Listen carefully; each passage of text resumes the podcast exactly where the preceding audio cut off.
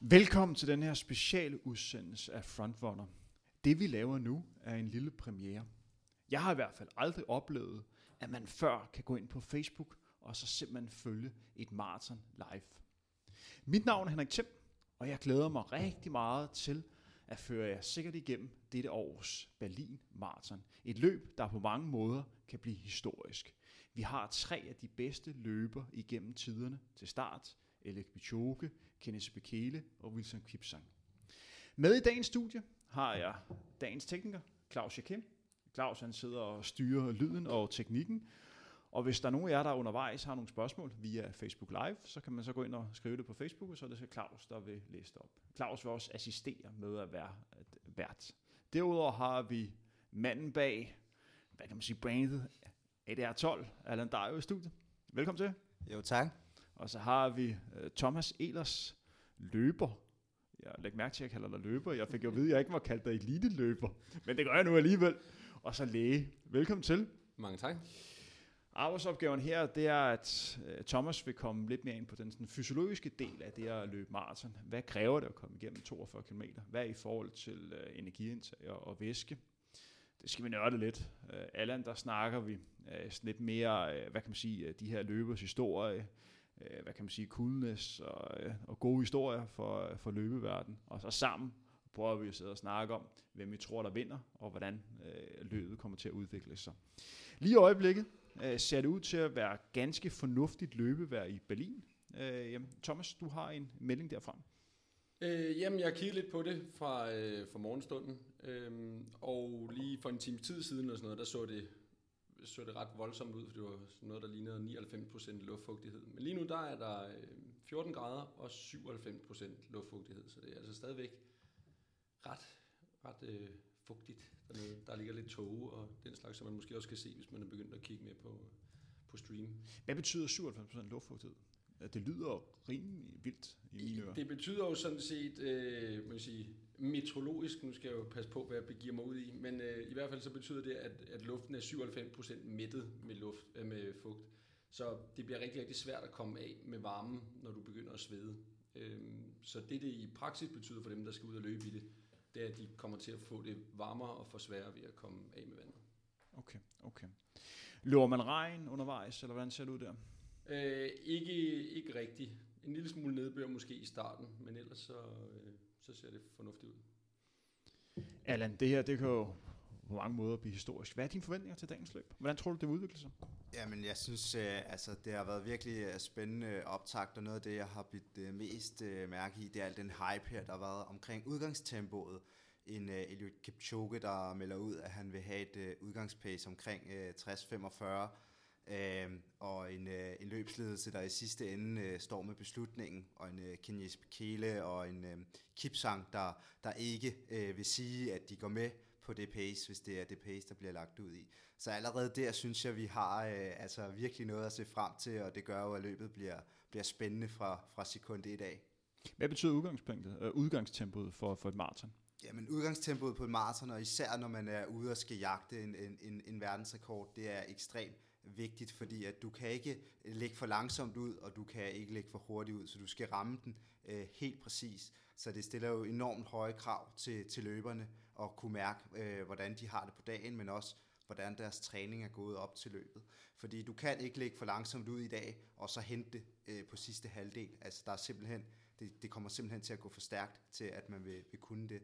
Så, så skal vi se en verdensrekord øh, i dag, der er bemærkelsesværdigt meget under den nuværende, jamen så bliver det ekstremt spændende at se, hvad tempo de går ud i. Og vi har en verdenskort, der hedder på 2 timer, 2 minutter og 57 sekunder. Det svarer til, at man skal løbe lidt over 42 km hurtigere end 2,55 per kilometer. Prøv at gå ned på en lokal atletikbane, og så prøv at løbe 105 omgange på hurtigere end, hvad er det, 70 sekunder. Det er, det er lige altså omkring 70 sekunder. Lige omkring 70 sekunder. Man skal ramme en god dag, vel at mærke, uden pause. Lige en enkelt service meddelelse. Lige i øjeblikket sidder vi og ser det på vores, øh, på vores skærme, hvad der foregår nede i Berlin. Den officielle starttid er 9.15, så det vil sige, her om 5 minutters tid bliver, bliver løbet startet. Lige så snart løbet starter, så smider vi et link ud, fordi øh, øh, vi har en stærk formodning om, at man kan se det inden for det der uh, Watts Athletic, og der, uh, men deres livestream starter først, når løbet begynder. Så det bliver nok det link, som, som vi sender ud. Indtil da vil vi prøve at guide så godt igennem som overhovedet muligt.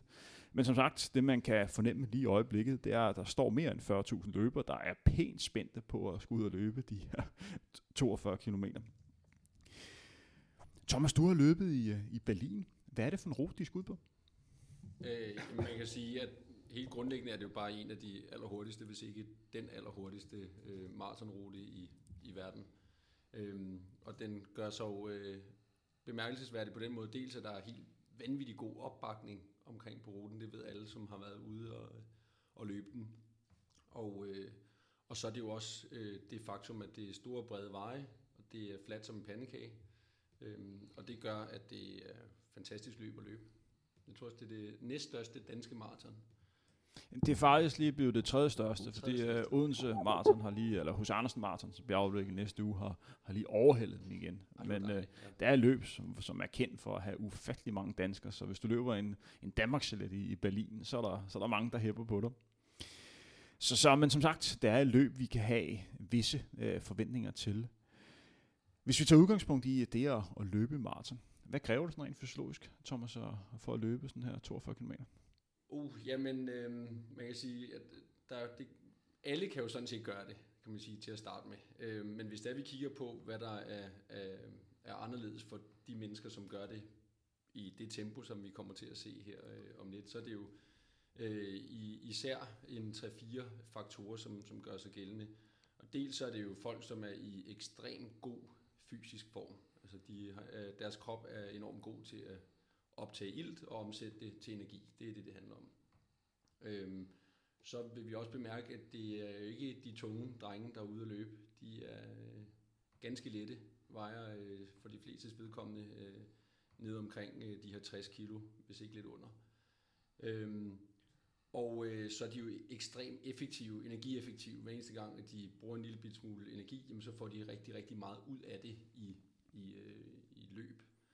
Øhm, og, øh, og så kan de bare arbejde i rigtig, rigtig lang tid. De kan tåle at ligge øh, ved meget, meget høj øh, procent af deres max i mange, mange øh, timer. Og det er noget, som, som adskiller sig fra ellers andre i hvert fald. Vi kan se her, at løberne er ved at gøre klar til at, at komme afsted ude på, på Marsen-distancen. Lige på sidste ord, inden, øh, inden løberne skal i gang. Hvad er det, vi kommer til at se i dag? Hvorfor glæder du dig helt ekstremt meget til det her løb her? Jamen det gør jeg dels fordi, at vi kommer til at se tre af de absolut øh, bedste øh, løbere gennem tiden øh, på maraton løbe, løbe head to head øh, mod hinanden. Så det er jo øh, lidt øh, svaret på en, øh, på en VM-finale eller en Champions League-finale, vi skal overvære i, i dag. Så er der jo øh, mellem gode vejrforhold dernede, og så er der jo øh, ekstremt store øh, forventninger til løbet. Og det er jo også spændende at se, hvordan sådan nogle verdensklasse atleter, de formår at håndtere det her pres. Vi har lige set fra, fra livebillederne dernede af en, øh, en smilende Kenyasi Bekele stå og vinke ned til tilskuerne. Øh, og jeg tror alle også, øh, også øh, almindelige øh, maratonløbere øh, inden et maratonløb, jamen der er vi jo øh, nærmest øh, redselslagende og har måske ikke så meget overskud. Så jeg synes, det er, er inspirerende øh, at være med til, at det først og fremmest det, jeg, jeg forventer i dag, det, det er inspirerende oplevelse. Apropos det, så kan jeg lige fortælle, at Kipchoge lige er blevet præsenteret, og han virker lidt som en mand, der lige har stået op. Han, det virker lidt som om, han lige tænker, fuck mand, det er sgu i dag. Jeg troede, ja, jeg troede først, det var i morgen. Men før vi sådan rigtig kommer i gang med løbet, skal vi så ikke lige her i studiet lige uh, finde ud af, hvem vi hver især håber på, hvem vi tror, der kommer til at vinde der. Vi starter med dig, tekniker Claus. Vi skal også lige have dig med på banen. Hvem tror du, der kommer til at vinde? Jamen altså, ja, det er jo så smukt formuleret, at jeg tror, jeg vil sige, at mit hjerte siger Bekele. Han er en vinder af natur. Han øh, bryder sig ikke om at blive toer. Men øh, jeg kan simpelthen ikke slå ham slå, øh, se ham slå Kipchoge. Han er uhyggelig stærk Kipchoge, og han har lige løbet meget tæt på to timer. At løbe to minutter langsommere i dag, det burde jo ikke være noget problem for sådan en mand. Hvad siger du? Uh, jamen, jeg har det også lidt uh, på samme måde. Mit hjerte brænder virkelig for, for Kenyasi Bekele. Uh, men, uh, men jeg tror i dag, at han får, uh, han får mere end, uh, end travlt, hvis han skal løbe op med, med Eliud uh, Kipchoge. Sådan rent uh, i forhold til, til Kipsang, så ser jeg lidt ham som, uh, som ja, måske uh, det, den, den svageste spiller i dag, men jo en uh, virkelig en, en, en stor spiller for løbet og for sporten generelt. Han, uh, han er virkelig også en, uh, en inspirerende løber. Og Thomas? Øh, jamen, jeg, jeg tror på Kipchoge. Øh, man vil sige, at jeg, øh, jeg tror, hvis det er, at det mod forventning bliver et, øh, et løb, hvor der er, der er nogle ting, der ligesom går galt eller eller andet, så kunne jeg sagtens se Kip Sang på grund af enormt stor rutine komme, kom komme til at, at spille en endnu større rolle, og i virkeligheden også måske kunne vinde. Men jeg tror også, ligesom jeg andre, at det er mellem de to andre, det skal stå. Og jeg tror mest på, på Kipchoge, det må jeg indrømme. Jeg tror personligt også mest på Kipchoge, men øh, jeg vil være rigtig glad, hvis Bekele nakker dem her. Bekele, han er bare en, en superstjerne. Løbet er startet. Der er løbet lidt over et minut, og det man kan se lige i øjeblikket, det er, at der er fire løber med det, man kalder sådan et zebrastribet trøje, der ligger og trækker tempoet hurtigt. Lige i øjeblikket er der en frontgruppe bestående af otte løber. Det er blandt de tre løber, vi lige har snakket om. Der er ingen tvivl om, at det går rigtig, rigtig hurtigt lige i øjeblikket. Vi kan i hvert fald allerede nu fornemme, at der er små 50 meter ned til de, de næste, og der er som sagt kun løbet lidt over et minut. Claus, har vi styr på et andet link? Kan vi smide det op? Jamen, øh, vi har faktisk i beskrivelsen til, øh, til denne Frontrunner live-session på Facebook, der har vi faktisk skrevet, at øh, hvis I går ind på Watch Athletics, så øh, kommer I ind på en hovedside, øh, og jeg vil gerne smide den op på skærmen nu, men øh, jeg sidder lidt for langt fra udstyret. Men hvis I kommer ind på øh, Watch Athletics, så står der simpelthen live Berlin Marathon øh, på forsiden. Der trykker I, så kommer I ind til en lille, en lille side, som der er delt op med, hvor I kan vælge, øh, om I vil se live stream, live leaderboard, live race leader, kilometer splits. Øh, og der går I op og kig, øh, klikker på Watch Livestream. Derinde, der kommer der så fire kanaler op, øh, og der har jeg siddet og kigget øh, alle fire kanaler igennem. Og hvis I går ind på den første kanal, så kan I faktisk øh, følge med i løbet nu. Ellers, hvis der er nogle spørgsmål, så stil det ind på vores øh, Facebook-side, og så vil vi prøve at hjælpe jer så bedst muligt. Som sagt, bær over med os, hvis vi gang, en gang imellem kommer til at lyde en, en lille smule dumme. Det kan ske. Det her, det er, det er første gang, vi prøver det, og øh, stemningen kan en gang imellem blive, blive ganske god her i studiet, eller det håber jeg da i hvert fald. Altså, så, men vi skal snakke lidt mere om, om det her pace-arbejde, de her, øh, de her løber, øh, hvad kan man sige, sætter. Hvor vigtigt er et optimalt pace? Og Allan? Jamen et optimalt pace er, er ekstremt vigtigt for, at du får et, et, et sikkert løb, kan man sige, ud øh, til, øh, til de 30 km, hvor pacerne i dag er sat til at skulle, øh, skulle droppe fra. Og det, det betyder rent øh, mentalt for, for andre løber, det er, at du bare skal løbe. Du skal ikke fokusere på at kigge på et ur eller en tidstavle. Øh, du skal sådan set bare fokusere på at, at følge efter.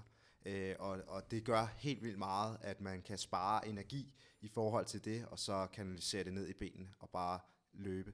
Øh, hvis vi tager øh, pacen i forhold til dag, så har der faktisk været tank, øh, snak om, at fordi det har regnet i Berlin over natten, og man kan også se på livebillederne her, at det er vådt, så vil tempoet faktisk øh, være, være lavere end det først antaget, end hvis det var tørvejr. Øh, og vi kan se, at det er vådt på, øh, på vejbanen i, i Berlin. Så øh, det bliver spændende at se, hvad de, øh, hvad de kommer rundt i. Øh, jeg ved, at den førerbil, der kører foran løberne i dag, øh, har en ekstra tidstavle til pacerne, øh, hvor de får øh, pacerne simpelthen får estimeret øh, sluttider ud for deres 500 meter splits i dag undervejs. Så det her pace, øh, den her pace-opgave bliver altså taget helt vildt øh, seriøst i forhold til, at vi kan presse den her øh, verdensrekord.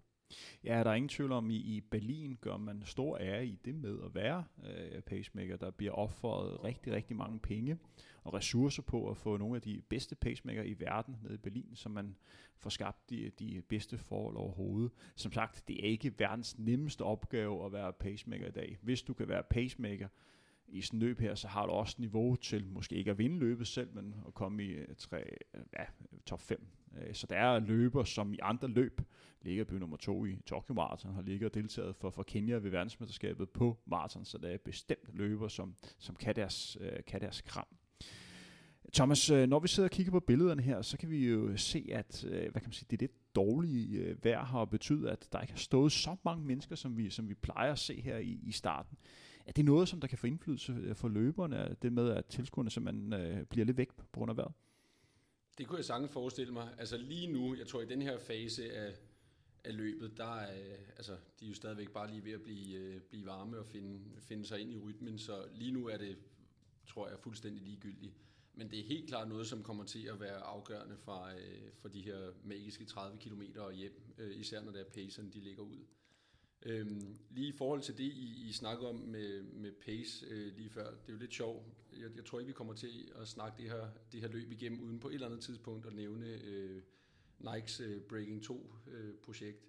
Øh, øhm, og, og det, de laver med bilen, lyder jo i høj grad som noget, der er inspireret dernede fra. Øhm, og det er jo, som, som Allan også siger, hvis det er, at man vil ud og lave en, en verdensrekord, jamen så kan vi ikke have, øh, man kan sige, mange af de tidligere verdensrekorder, der er sat, de er jo sat øh, ved, ved skiftende pace, altså hvor det man har, har lavet nogle, nogle 5 og 10 km ryg, som har været enormt hurtige, og hvor man har tabt noget tid efterfølgende.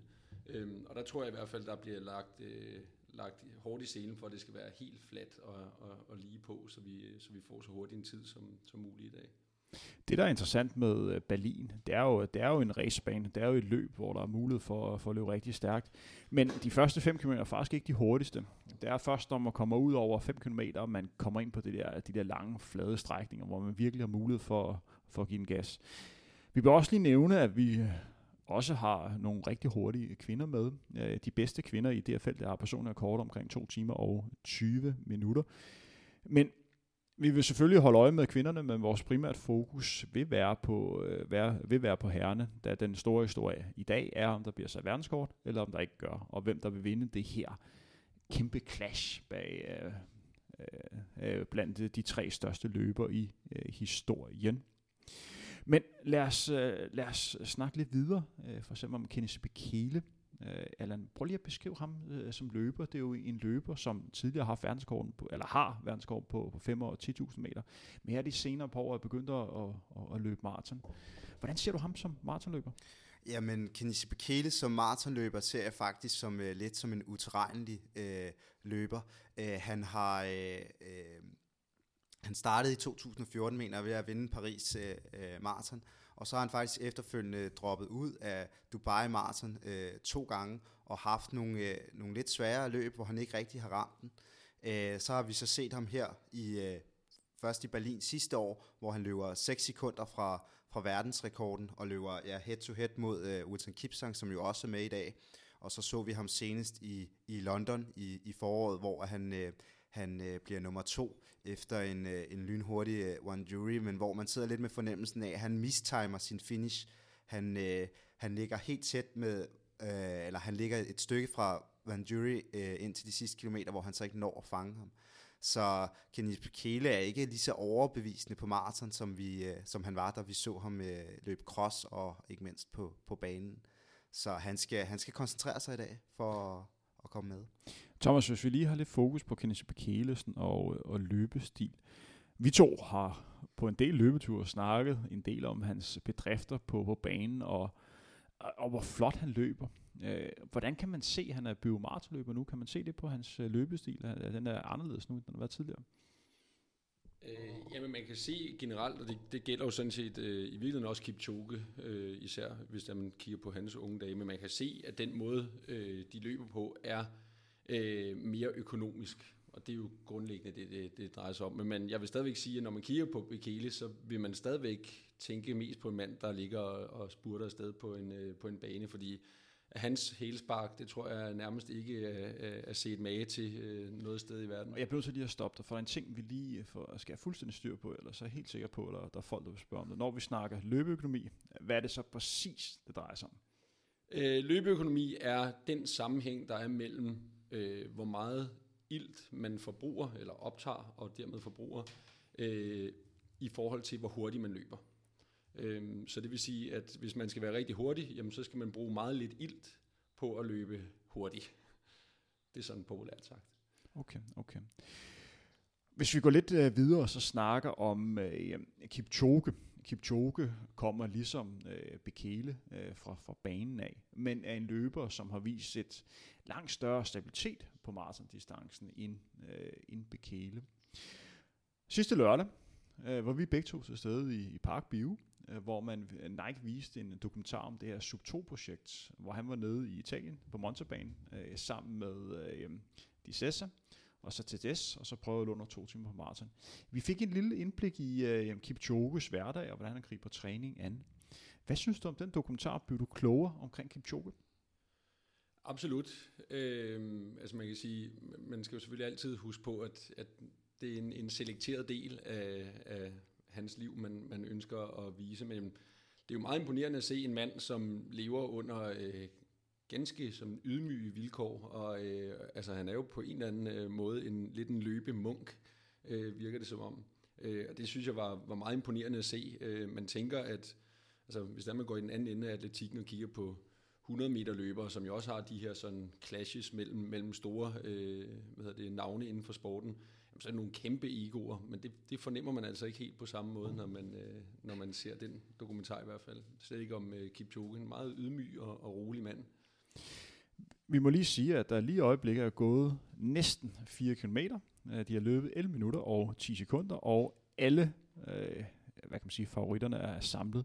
Vi har også en anden interessant løber til start. Vi skal til at snakke Wilson Kipsang lige om lidt, men vi bliver også lige nødt til at nævne, at vi har Patrick Macau med i det her løb her. Patrick Macau, der tilbage i 2011 øh, satte verdenskort her i Berlin med 2 timer, 3 minutter og 38 sekunder. Det er en løber, der efterfølgende har haft et, et lille smule svært med at ramme samme niveau. Han har ikke præsteret en tid under 2 timer og 6 minutter øh, siden. Men rygterne går på, at han faktisk kunne være i, i ganske god form. Øh, det interessante med Macau er også, at hvis vi går 10 år tilbage, så opholdt han, opholdt han sig faktisk et, ja, et års tid i, i Danmark. Han har blandt andet vundet BT Halmarathon. Øh, jeg mindes også, at jeg har ligget og dystet mod ham i, imitageløbet, øh, hvor han desværre slog mig. Altså, så nok fordi han var, han var bedre. Men det er også en, øh, en løber, som vi skal have lidt øh, fokus øh, på i dag. Øh, men lad os snakke om øh, Wilson Kipsang. Øh, Allan, hvordan ser du Wilson Kipsang som løber? Det er jo en løber, som har præsteret i hele fem tider under to timer og fire minutter. Hvis vi sammenligner ham med Kipchoge, Kipchoge og kun én gang i karrieren var under de her to timer og fire minutter, så det er jo en løber, som har et, et højt niveau. Hvordan ser du Kipsang? Jamen, øh, jeg ser Kipsang som at være den løber, der måske skiller sig lidt mere ud i forhold øh, til Kenis Bekele og, og øh, Eliud Kipchoge, som, som vi ved er, er, er hurtigere, altså har en speed for banen. Det har øh, Wilson Kipsang ikke på samme måde. Til gengæld så er hans løbestil, og jeg kan huske der, da han sådan for alvor kom frem i, i 13-14 øh, stykker, øh, har han øh, det her øh, cobra-hook undervejs. Øh, hvor at, kan du ikke lige beskrive jo, det der? Det lyder jamen, sejt. Det er, jeg kunne også godt tænke mig at have cobra-hook. øh, han splittede jo øh, maratonfelter rundt omkring i verden øh, ved simpelthen mellem 30 øh, og 35 og, og lave nogle fuldstændig sindssyge øh, ryg, øh, hvor at øh, man ligesom kan sige, at han går ind og afgør løbet. Hvis vi tager øh, Berlin Marathon øh, sidste år, hvis man så det, så vil man se, at øh, Wilson Kipsang faktisk det meste af løbet ligger foran øh, Bekele. Lige før 30 km, der går øh, Wilson Kipsang ned og løber øh, under 2,50 pace. Jeg tror, det er 2,48 minutter per kilometer. Og skaber et lille hul, som Bekele ikke kan svare tilbage på. Det samme gør han faktisk ud omkring 38 km, hvor den er igen er, er et godt stykke fra, fra, man kan sige, den average pace, som, som løbet bliver vundet i. Og det er jo altså en mand, der også derved ved, øh, hvordan han skal vinde løbet. Øh, han ved, at han skal ud i dag, og så skal han ikke have dem med hjem fra, fra 40 km mærket. Det er hans måde at, at kunne vinde løbet i dag. Og på den måde synes jeg også, at det er interessant at se, hvordan han måske i virkeligheden kan være nøglen øh, i den her trætrinsraket til en formidabel verdensrekord. Altså, han ved, at han ikke kan ligge og løbe med de andre til, til mål, så han skal ud og faktisk sørge for at banke tempoet op mellem øh, 35 og 40 km. Det bliver afgørende i dag. Lad os holde fokus på de førende løber, for nu runder vi faktisk øh, 5 km mærket i 14.27. Det går hurtigt det her. Verdensrekordsplit, det er 14.35, og, og de får altså officielt 5 km på, på 14.28. Så vi ligger lige nu til en øh, ny verdenskort. Øh, vi er ikke langt inde på, på maratondistancen, men øh, det ser ganske fornuftigt ud. En ting, vi også lige skal snakke om, øh, Thomas, det vi kunne fornemme nu her, det er jo, at ved hver 5 km, øh, så har de her eliteløber mulighed for at få personlig væske. Og væske og energiindtag er vigtigt på, øh, på en maratondistance. Hvad tror du, de her løbere øh, drikker? Både sådan rent øh, mængdemæssigt, men også sådan en sukkeropløsning. Hvad tror du, de ligger og kører, og hvordan træner man det hele taget?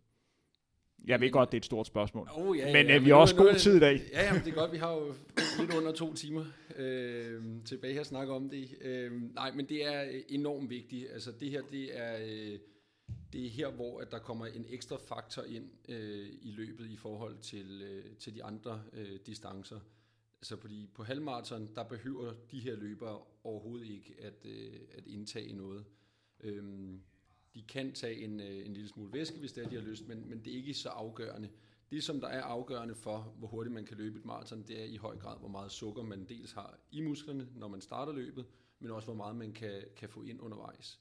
Øhm, så jeg tror også i, i en dag som i dag, hvor det er, det, det er lidt, øh, må jeg sige, lidt luftfugtigt, og ja, og de kan komme til at have det lidt varmt og så videre, øh, der kommer væskestrategien til at, at betyde helt vildt meget. Øhm, og det, som, som de kommer til at ligge og, øh, og, og indtage, jamen det er jo noget i, øh, i omegnen af, hvad hedder det, øh, jeg, jeg tror, de drikker sådan noget 150 ml eller noget af den stil øh, hvert, hvert kvarter.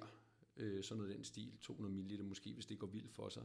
Øh, og der er øh, en, øh, et, et andet godt eksempel, nu snakker vi om Bekele før, øh, det før omtalte løb, øh, hvor han havde noget ekstra at skyde med til sidst. Der løb han jo sådan set også øh, med sit, øh, sit væske undervejs i lang tid, og sørgede for at, at få en masse øh, væske og dermed også sukker ind. Og det kan altså, nu sidder jeg jo ikke og siger, at det er derfor, han Lige en vinder. enkelt ting. Ja. Øh, vi skal også have fokus lidt på kvindernes løb. Vi har fået den første kvinde forbi 5 km markering i øh, 16.35. Øh, så det indikerer en sluttid på lige omkring de her 2 timer og 20 minutter. Thomas, øh, fortsat i forhold Ja, til ja. energiindtag. Jamen, det er godt, du holder styr i det. Øh, Jeg kan nemt, nemt fortabe mig i det andet. Øhm, men, øh, men det betyder noget, øhm, og, og det kommer det også til at gøre i dag. Så jeg tror, at vi skal, vi skal være lidt vågne og sidde og kigge med, når de kommer forbi væskedepoterne, øh, og se, øh, i hvor høj grad håndterer de det her, øh, og følge med. Fordi jeg tror ikke, at man, man slipper ustraffet for at, øh, at springe, springe et væskedepot over i dag. Øhm, så de vil ligge omkring øh, og prøve at få et, et sted omkring 80 gram sukker øh, i timen. Og så vil jeg lige øh, bryde ind, fordi vi får jo lidt øh, kommentarer og spørgsmål øh, på Facebook. For det første, så øh, har Jeppe Farsødt skrevet ind og øh, meddelt, at øh, Macau øh, har meldt fra med en knæskade. Jeg har ikke været inde og kigge status på løbet, men jeg kan se, at han er ikke med i frontgruppen. Øh, så har vi nemlig også fået et øh, spørgsmål, hvem der egentlig løber med i førergruppen lige nu, ud over de tre pacemakere. Øh, og til, hvem er det, der passerede? Øh, der var fem løbere ud over pacemakerne ved 5 km mærket. Ja, altså, øh, vi har, øh, vi har de officielle pacemaker, øh, og de, de løber, som er pacemaker i dag, det er jo øh, løbere, som har ligget og været på det kenianske øh, landshold ved VM på, på maratondistancen. Øh, vi har en, som var officiel pacemaker øh, ved Kipchoge øh, nede på Monsterbanen. Og så har vi en anden, som blev nummer to ved årets øh, Tokyo Marathon. Men i førergruppen, der har vi Eliud Kipchoge, og så har vi Wilson Kipsang, og så Bekele, og så mindes jeg også, jeg så Kipruto, øh, Kipruto, som har løbet 205 øh, på, på maraton. Og så er der, skulle der vist også være en, en løber til. Øh, vi prøver lidt at, at, at prøve at skimpe ham og se, om vi kan øh, få øje på. Men som sagt, de løber, som vi har nævnt, er nok dem, som man skal have, have fokus på. Vi har også nogle europæere i det, her, øh, i det her løb, som har mulighed for, for at løbe rigtig godt. Det vi har i faktisk i billedet lige i øjeblikket, det er, at vi har en tysker, der hedder Philip Flieger i, i billedet, som har en personlig rekord på 2 timer, 12 minutter og 50 sekunder. Han jagter en tid i dag på under øh, 2 timer og 12, og deriblandt er der også øh, 3-4 andre europæer, øh, så, som prøver at komme under den her, ja, øh, for, for nogen øh, en, en, en magisk øh, grænse. Og det har de altså øh, fået hele tre pacemaker til, som, som ligger og holder et højt, øh, stabilt tempo. Og det bliver også øh, spændende at se, hvordan det kommer til at gå, de europæiske løber. Det er jo sådan typisk lidt ved de her store løb, man ofte kommer til at, at glemme den lidt, men det er jo spændende. Der er også noget indbyrdes rivalisering, øh, så- som er vigtigt. Og for Philip er det her løb øh, en kærkom mulighed for lige at vise sig frem. Det er sådan, at næste år der er der EM i atletik i Berlin, og hvor der blandt andet skal dystes på maratondistancen. Så hvis han klarer sig godt i dag, så er det en god indikator for, at, øh, at det kan gå godt på hjemmebane øh, næste år. Vi fik også, som, som nævnt, de første kvinder forbi øh, 5 km markering, og det var altså på sådan en splittid på 16.35, og det er øh, en sluttid på omkring 2 timer og 20 minutter, hvis de, hvis de holder øh, tempoet. Men der er kun løbet 20 minutter øh, lige i øjeblikket, og hvis vi kigger på dem, øh, hvad kan man sige, mere end de her 40.000 løbere, der skal ud. Der er altså mange af de her løbere, som ikke er sendt afsted. Øh, et godt bud er, at der måske kun 8.000 løbere, øh, som er ude på, øh, på ruten nu. Men det bliver rigtig spændende at følge, øh, hvad, der kommer, hvad der kommer til at ske i, øh, i det her løb. Hvis vi lige øh, afrunder det med, med væskesnakken. Øh, Thomas, hvad vil du selv drikke øh, på, på et maraton? Øh, du er en lidt, øh, hvad kan man sige, højere løber end de fleste. Øh, kræver det ekstra sukker? Sygt, du ikke sagde tung. Øh, Kræver det ekstra øh, sukker i forhold til dig? Skal du drikke mere vand end øh, for eksempel en Kenneth Bekele? Absolut. Øh, og, og faktisk så, så vil jeg også sige, at øh, det er jo grunden til, at jeg har en forkærlighed for Kipsang, fordi han er omkring 20 cm højere end de to andre. Øh, i øvrigt tror jeg ikke, der er mange øh, sammenligningspunkter mellem ham og mig. Øh, men men øh, jo, helt bestemt, øh, det skal jeg. Øh, og øh, det er noget, som er afgjort af dels, hvor, øh, hvor effektiv man er, men selvfølgelig også, hvor meget væske man, man taber, hvor meget man, øh, hvor varm man bliver undervejs i sådan et øh, maraton. Og jeg, jeg ligger og prøver at få sådan noget, der ligner øh, noget over en liter i timen. Øh, en, et, øh, en liter og måske 250 ml oveni. Øhm, og det, som, som man kan se, det, det bliver øh, lidt et regnestykke, og det, det har de her gutter altså også nogle, nogle folk, der regner på for dem. Det, som man kan se i forskningen, er, at, at øh, maratonløbere, de får ikke nogen øh, præstationsforringelser af at være op til 2% dehydreret af deres, øh, deres kropsvægt. Så det vil sige, i løbet af sådan et maraton er det okay at, at tabe væske, sådan så man ender med at veje 2% mindre, end man gjorde til at starte med. Øhm, og, øh, men, men går det derudover, jamen, så kan man se øh, ret tydeligt, at det går ud over øh, performance. Så, så det, er, det er det, de skal ligge indenfor. De skal helst ikke være for tunge. De skal heller ikke få for meget væske, fordi det skal man bare slippe rundt på. Men hvis de lander et eller andet sted mellem at veje lige lidt mindre, og så ned til 2% øh, øh, mindre, end hvad de gjorde til at starte med, så har de gjort det rigtig godt ud fra sådan en væskestrategisk synspunkt. Men væskeenergiindtag er noget, som fylder rigtig øh, meget øh, på maratondistancen. Ja. Lige en enkelt ting, før du kommer på, tekniker Claus. øh, Mo Farah, da han løb sit første maraton øh, tilbage i, i 2014 i forbindelse med, med London Marathon, han beskrev efterfølgende, at det største issue for ham ved det her løb var i princippet ikke at skulle ud og løbe 42 km, men det var det at skulle optage væske og energi undervejs. Han syntes simpelthen, det var så svært. Og det var noget, som han ønskede, at han ville have brugt mere fokus på i træning op til. Øh, Mo Farah har jo meldt ud, han løber London Marathon øh, foråret øh, 2018. Så må ikke han ligger lige nu og har lidt ekstra fokus på det her energiindtag. Claus, øh, du prøvede ind. Jamen det var netop øh, et lille væskeorienteret spørgsmål, vi har fået ind fra Johan Schaff, øh, der spørger, hvorfor deler Kipchoge sin væske med, med de andre løbere? Øh, han nævner selv, om det er bare fordi Kipchoge er en gentleman, eller er der noget taktik i også at hjælpe hinanden så tidligt i løbet? Hvad siger du der? Der er jo.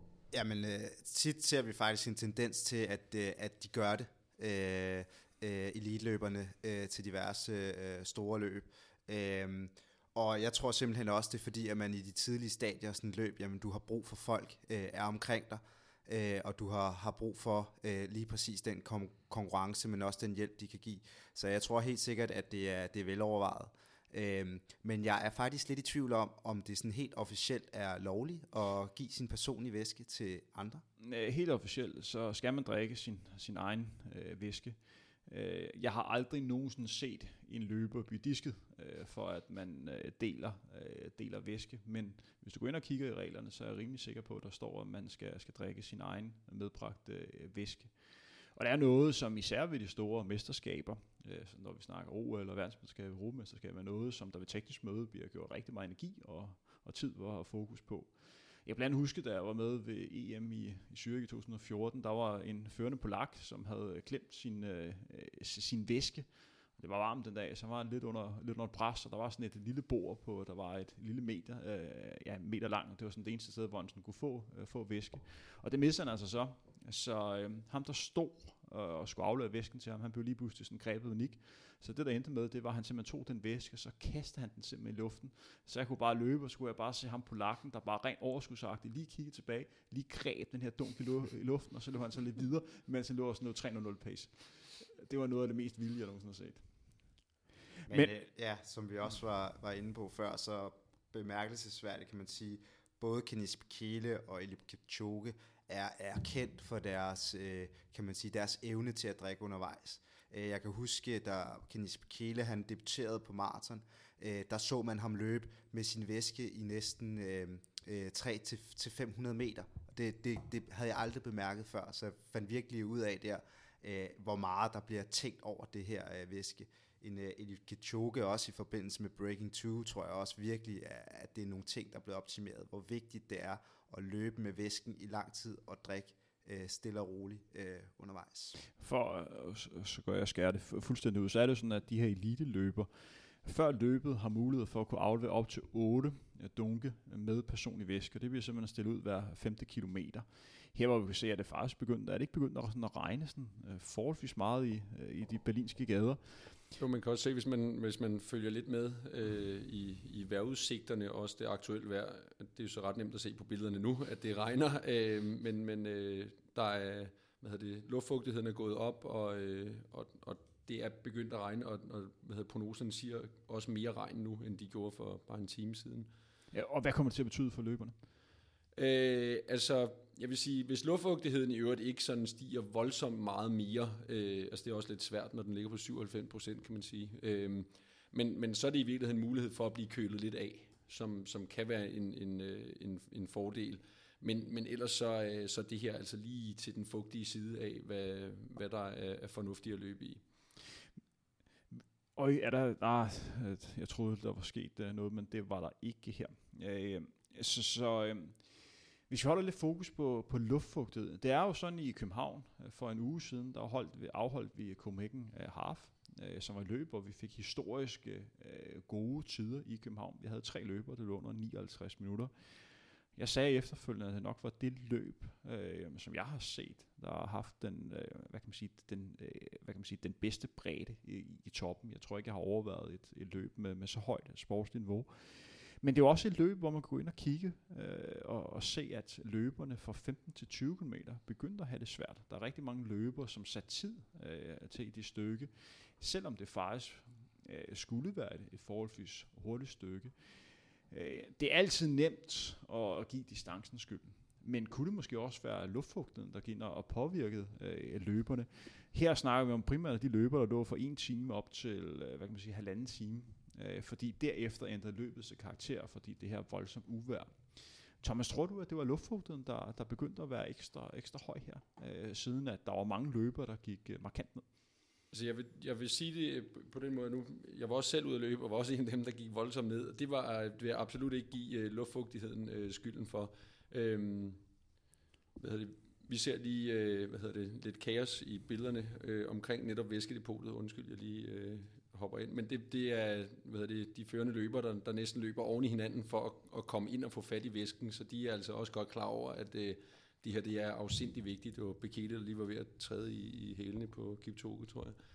Øhm, men jo, absolut, øh, luftfugtigheden kan, kan sagtens gå ind og, og betyde noget. Altså på et halvmarathon, så vil det jo være mellem 15 og 20, at man begynder at få, få skilt øh, forne fra bukkene. Så hvis der man har lagt ud i et for hårdt tempo, jamen, så kan du godt holde det op til, til 10-15 km, men så bliver du altså også straffet derfra. Så, øh, så, men der kan sagtens have været øh, som optakt til det her øh, apokalyptiske vejr, vi så i, i søndags, øh, der kan sagtens have været øh, ændringer i luftfugtigheden, som, som har gjort, at, at det var svært at, at løbe endnu hurtigere, selvom det var meget imponerende tider, der blev sat. Hvad siger du til løbet indtil videre, Allan Dario? Hvad er din kommentar? Jamen, jeg er, øh, jeg er overrasket over det våde øh, føre, øh, og tænker også i forhold til regn, øh, og tænker på, øh, på løbernes, altså sådan fedtprocent, tror du, altså hvis det regner, altså kan de blive, øh, simpelthen blive kolde, øh, selvom man løber så hurtigt? Det kan godt ske. Altså, jeg tænker lidt tilbage, fordi lige da du sagde 5%, der tænker jeg lidt tilbage på London Marathon i, i var det 2015, tror jeg, øh, hvor vi havde et opgør mellem øh, Wilson Kipsang og øh, Kipchoge. Og der vandt, øh, øh, der vandt Kipchoge, øh, og det var en kold dag øh, i, i London. Efterfølgende så øh, sagde Kipsang, at forklaringen på, at han ikke slog Kipchoge, det var simpelthen, fordi han var så tynd og derfor ikke kunne holde varmen, hvor uh, Kipchoge, han er lidt mere fedt på kroppen, så det var lidt nemmere for ham at holde varmen, fordi han frøs simpelthen så meget. Så det var sådan uh, en lidt sjov forklaring på, hvorfor han ikke lige uh, slog til uh, den dag. Men, men ja, det kan komme til at, at, at betyde lidt. Uh, de gange, hvor jeg har løbet i, i et vejr så, så, så, som det her på, på en maratondistance lige nu, øh, betyder det ikke så meget, når vi kommer længere frem, hvor det er energiindtaget og, og trætheden øh, og friskheden på dagen kommer til at spille meget. Der kan du nemt komme til at fryse, og du kan nemt komme til at, øh, hvad kan man sige, øh, måske gå, øh, gå lidt koldere, end, end man ellers øh, burde på, på det tidspunkt. Ja, så, så, så ja, øh, hvis du har en lav fedtprocent, kan det godt komme til at betyde noget. Jeg, jeg vil så øh, nok være i den anden boldgade og sige, ved 14 grader og 97% luftfugtighed, og så meget som de her gutter, de ligger og arbejder, der er ikke en af dem, der kommer til at fryse. Så skal det være, fordi der falder noget iskold regn, eller sådan noget den stil. Øhm, så, så skal det altså være, øh, så skal det være koldere. Øh, og de kommer til at få problemer med at, at komme, komme af med, med varmen. Men jeg tænker mere på, at øh, hvis øh, singletten, som de løber med, begynder at klisse sig på maven, og nærmest øh, bliver sådan en klud, øh, som de har. Det kan jo gøre, at det vil i hvert fald være for mig, at man får svært ved at kunne optage det her sukker, og så på den måde begynder at få, få problemer.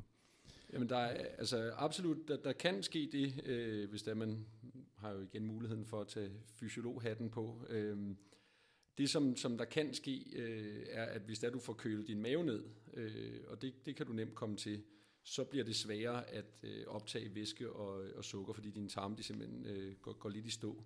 Så det kan vi sagtens komme, komme til at, øh, at se eksempler på, hvis det er, at det er kold regn, der falder, og de, øh, de i øvrigt skal løbe igennem det. Og vi kan se her på skærmen, at vi har tæt på 44.000 løbere til, til start ved, ved dagens øh, løb. Og det er sket en udvikling siden det første løb tilbage i 1974, hvor der var omkring 600 løbere til start. Så der er, der er godt nok en markant forbedring. Har vi en splittid på, på 10 km? Ja, den lå på 29.04 på de første så vi ligger, vi ligger stadigvæk foran øh, verdensrekordsplittet, så indtil videre ser det jo ganske fornuftigt ud. Men igen, vi er ikke løbet særlig langt, der kan ske rigtig mange ting. Men personligt er jeg rigtig glad for, at vi ikke har fået sådan et vanvidsudlæg, for jeg tror simpelthen, at hvis vi har været ude i sådan 28, 30, 28, 45, jeg tror simpelthen, det har været for hurtigt. Jo mere stabilt i øh, verdenskort pace, jo bedre. Og lige i øjeblikket ser det ganske øh, fornuftigt ud. Men der kan ske rigtig, rigtig meget. En ting, vi lige skal snakke om, hvis vi går ind og kigger på, på nogle af de her løbere i, i frontgruppen, der er nogle af dem, der er begyndt at løbe med sådan usædvanligt lange øh, singletter. Øh, og det er også noget, som vi lader mærke til i uh, Breaking øh, 2, at man er begyndt at løbe med sådan en singlet nærmest i sådan øh, overstørrelse, sådan der bare kommer ned over øh, shortsen. Er det bare rent tilfældigt, eller tror jeg, der er sådan, at man begynder at, at lave noget videnskabeligt på det? Er det noget, som du overvejer, dig? Ej, jeg tror, øh, øh, det, det, det, jeg tror ikke, det er en decideret øh, long fit øh, singlet. Jeg tror bare, at man glemmer, når man ser tv-billederne, at de her øh, afrikanske løbere tit ikke er, er meget mere end øh, 71 øh, cm. Det, jeg synes, der er interessant sådan rent øh, tøjmæssigt, det er jo at se, at øh, Eliud Kipchoge altså holder fast i sin Breaking Two Tights, fra Nike, og det må være første gang øh, nogensinde, at vi ser så hurtigt øh, maratonudlæg med en mand, der faktisk slipper i tights. Øh, det er ekstremt sjældent. Jamen, der har aldrig været løbet, øh, altså, der har aldrig været lagt så hårdt ud i Berlin i en, en mand, der løber med tights og, øh, og long sleeves på, på armene. Så det er jo, altså det bliver da spændende at se, om, om altså, er der, en, øh, er der nogle sekunder hen der? Øh, det er i hvert fald spændende at se, synes jeg, at øh, han, han skiller sig helt ud fra maraton øh, kodexet normalt, som, altså, der ser vi split shorts. Jeg kan sige personligt, jeg har faktisk også løbet Berlin Marathon i sådan noget her. Uh, I, i sådan nogle, sådan nogle bukser. Ikke lige så hurtigt som Kipchoge. Det er nogle, uh, nogle tights, som jeg faktisk skal være rigtig, rigtig glad for.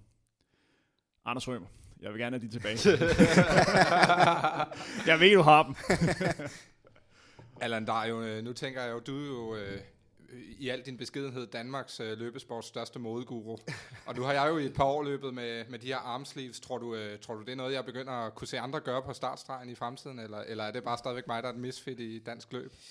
Nej, jeg tror, det er, er noget, man kommer til at se mere. Det har også en praktisk a- a- approach, øh, og det er jo, at, øh, at man, kan, man kan simpelthen smide dem undervejs. Men jeg tror, det er nøje valgt i dag fra, fra Eliud Kipchoge, og det kan også være, at hans uh, personal shopper for Nike har været med ind over og tænkt, vi, vi sælger ikke nok armsleeves. Lad os prøve at se, om du kan, kan få salget lidt i gang. Altså, jeg, jeg sad faktisk og tænkte lidt over det, da, det, da løbet gik i gang, fordi det virker voldsomt at have sleeves på. Altså, sædvanligvis så ser vi altså, tit i New York Marathon. Men kan du lide det? Jeg er helt vild med det. Jeg synes, det ser sindssygt godt ud. Øhm, men, men der er jo en del af fashion i det, som, som øh, Dario han også siger. Øh, men, men jeg synes, det virker øh, voldsomt at have, altså have, det er jo basalt set lange ærmer, man tager på, øh, og det her, det skal så alene kunne øh, forsvares ud fra, at man, man får øh, en anden form for aerodynamisk øh, fordel. Jeg synes, det virker pudsigt, at øh, han har taget dem på i dag. Vi bliver lige nødt til at nævne, før vi øh, går videre med hensyn til den her modesnak, som jeg synes, der er rigtig interessant. Tempoet er gået ned. Lige i øjeblikket er vi øh, lige præcis på splittet. Øh, så, så den sidste kilometer gik i sådan noget 2, 6, 57, så tempoet er på vej ned. Traditionelt set, så bliver der løbet hurtigt i Berlin mellem øh, 10 og 15 km. Øh, det har faktisk været nogle af de hurtigste splits på, på de sidste par år, også på, på verdensrekorden. Øh, Jeg synes, det er umiddelbart, at det, det er jo interessant for det race, vi får nu, fordi nu får vi virkelig den her trætrinsraket, hvor man kan sige, at Wilson Kipsang, han er, han er mere med, end uh, han måske nogensinde har været uh, til at kunne, kunne løbe den her verdensrekord uh, i dag. Og det, det er rigtig godt for, for, for det race, vi har, har gang i. For det, der skete sidste år, hvor vi havde et opgør mellem uh, Wilson Kipsang og Kenneth Bekele, du har snakket lidt om det tidligere, men der skete faktisk også noget interessant allerede ind ved 16-17 km. Der, der begyndte pacemakerne at begy- øh, havde problemer med at kunne sætte hastigheden. Og der kunne man se, at øh, Wilson Kipsang, han havde en dialog med en af de andre løbere, øh, hvor de øh, lå og snakkede sammen. Og så gik der som ikke så lang tid, så ham her, han var oppe at trække. Han lå simpelthen de næste 10 km, så satte tempoet markant op, inden han så øh, droslede ned igen. Øh, så, så nogle gange bliver der også lavet sådan et aftaler øh, indbyrdes, og det var noget, der gjorde, at, at tempo blev reddet, og vi fik de her flotte vindertider. Øh, vi havde jo to løbere i nærheden af, af verdenskorten, så vi havde et rigtig, rigtig højt sportsligt øh, niveau øh, sidste år. Men hvis vi går videre med den her øh, trøjesnak, det er jo, hvis man går ind og, og søger på, på YouTube, og så søger på Paolo Radcliffes verdenskort. Øh, hun satte en verdenskort i forbindelse med øh, London Marathon, hvor hun løb 2.15, hvor hun blev transporteret rundt hele vejen af sådan 10-12, øh, hvad kan man kalde det, øh, øh, mandlige løber. Og de løb alle sammen i sådan nogle her, de her zebra-trøjer, og det var sådan en kendetegn for det løb, det var de her alle deres zebra-trøjer, der sådan var, var, var pacemaker hele vejen igennem. Og de har sådan forsvundet lidt for, for løbemarker, så er de så kommet igen i, i dagens løb. Det er faktisk rigtig dejligt at se for sådan en nørd som mig, at øh, det vækker minder om et historisk resultat. Men lad os lige snakke lidt om øh, den her Paula Radcliffe tid. Hun har jo en verdenskort på, øh, hvad kan man sige, på to timer og, og 15 minutter. Der har været nogle kvinder i år, som har, har løbet stærkt, øh, men vi er stadig et stykke øh, fra rekorden. Øh, hvorfor tror du, øh, Thomas, at vi stadig er så langt øh, fra for, for kvinderne? Øh, jamen en ting er, er jo selvfølgelig øh, netop som du siger, at, at en, en vigtig ting i den rekord, som, som Paula hun satte, det er jo, at hun bliver paced, og hun har ligget i læ hele vejen. Og hvis der er en ting, som, som er altafgørende, det, det har man jo også lært fra, øh, fra Nike's Breaking 2-projekt, øh, det er, at pacer og folk, der ligger og tager vinden, det er afgørende. Altså det er enormt afgørende i cykling, men det er bestemt også afgørende i, øh, i, i løb. Øhm, det, er, det er den ene side af sagen, hvorfor, hvorfor det har været svært at komme øh, ned i, i det tempo. Øhm, derudover så, øh, så har kvinderne, der har løbet verdensrekorder øh, på det seneste, de har valgt at gøre det på den absolut hårdeste måde, man overhovedet kan løbe et løb på. Øh, det er at løbe rigtig hurtigt fra start, og så løbe en lille smule langsommere undervejs, og så gå helt ned til sidst. Øhm, men, men stadigvæk kunne øh, redde øh, rekorder hjem. Øhm, og, og hvis det er, man skal, skal ned og slå en øh, verdensrekord, som den Paul Radcliffe hun har, så skal man ligge stabilt øh, hele vejen igennem. Ligesom vi kan se, førergruppen gør i, i dag i højere grad, end man måske tidligere har set. Hvis vi begynder at kigge kigger her på de, de førende løber, vi skal til at snakke lidt om, hvem der ser, ser friske ud. Nu er vi efterhånden så langt inde på, på maratondistancen, at vi begynder at snakke om, hvem har dagen, hvem har ikke dagen. Hvis vi lige fjerner fokus på de tre pacemakers, som ligger føre, men har fokus på nogle af de andre løber, hvem ser frisk ud lige i øjeblikket? Øh, jamen, jeg synes, øh, altså, Eliud Kipchoge, han ser ekstremt fokuseret ud. Øh, han øh, har også en, en, altså, en virkelig en, en flot stil, øh, og han, han ser virkelig øh, bestemt og kontrolleret ud.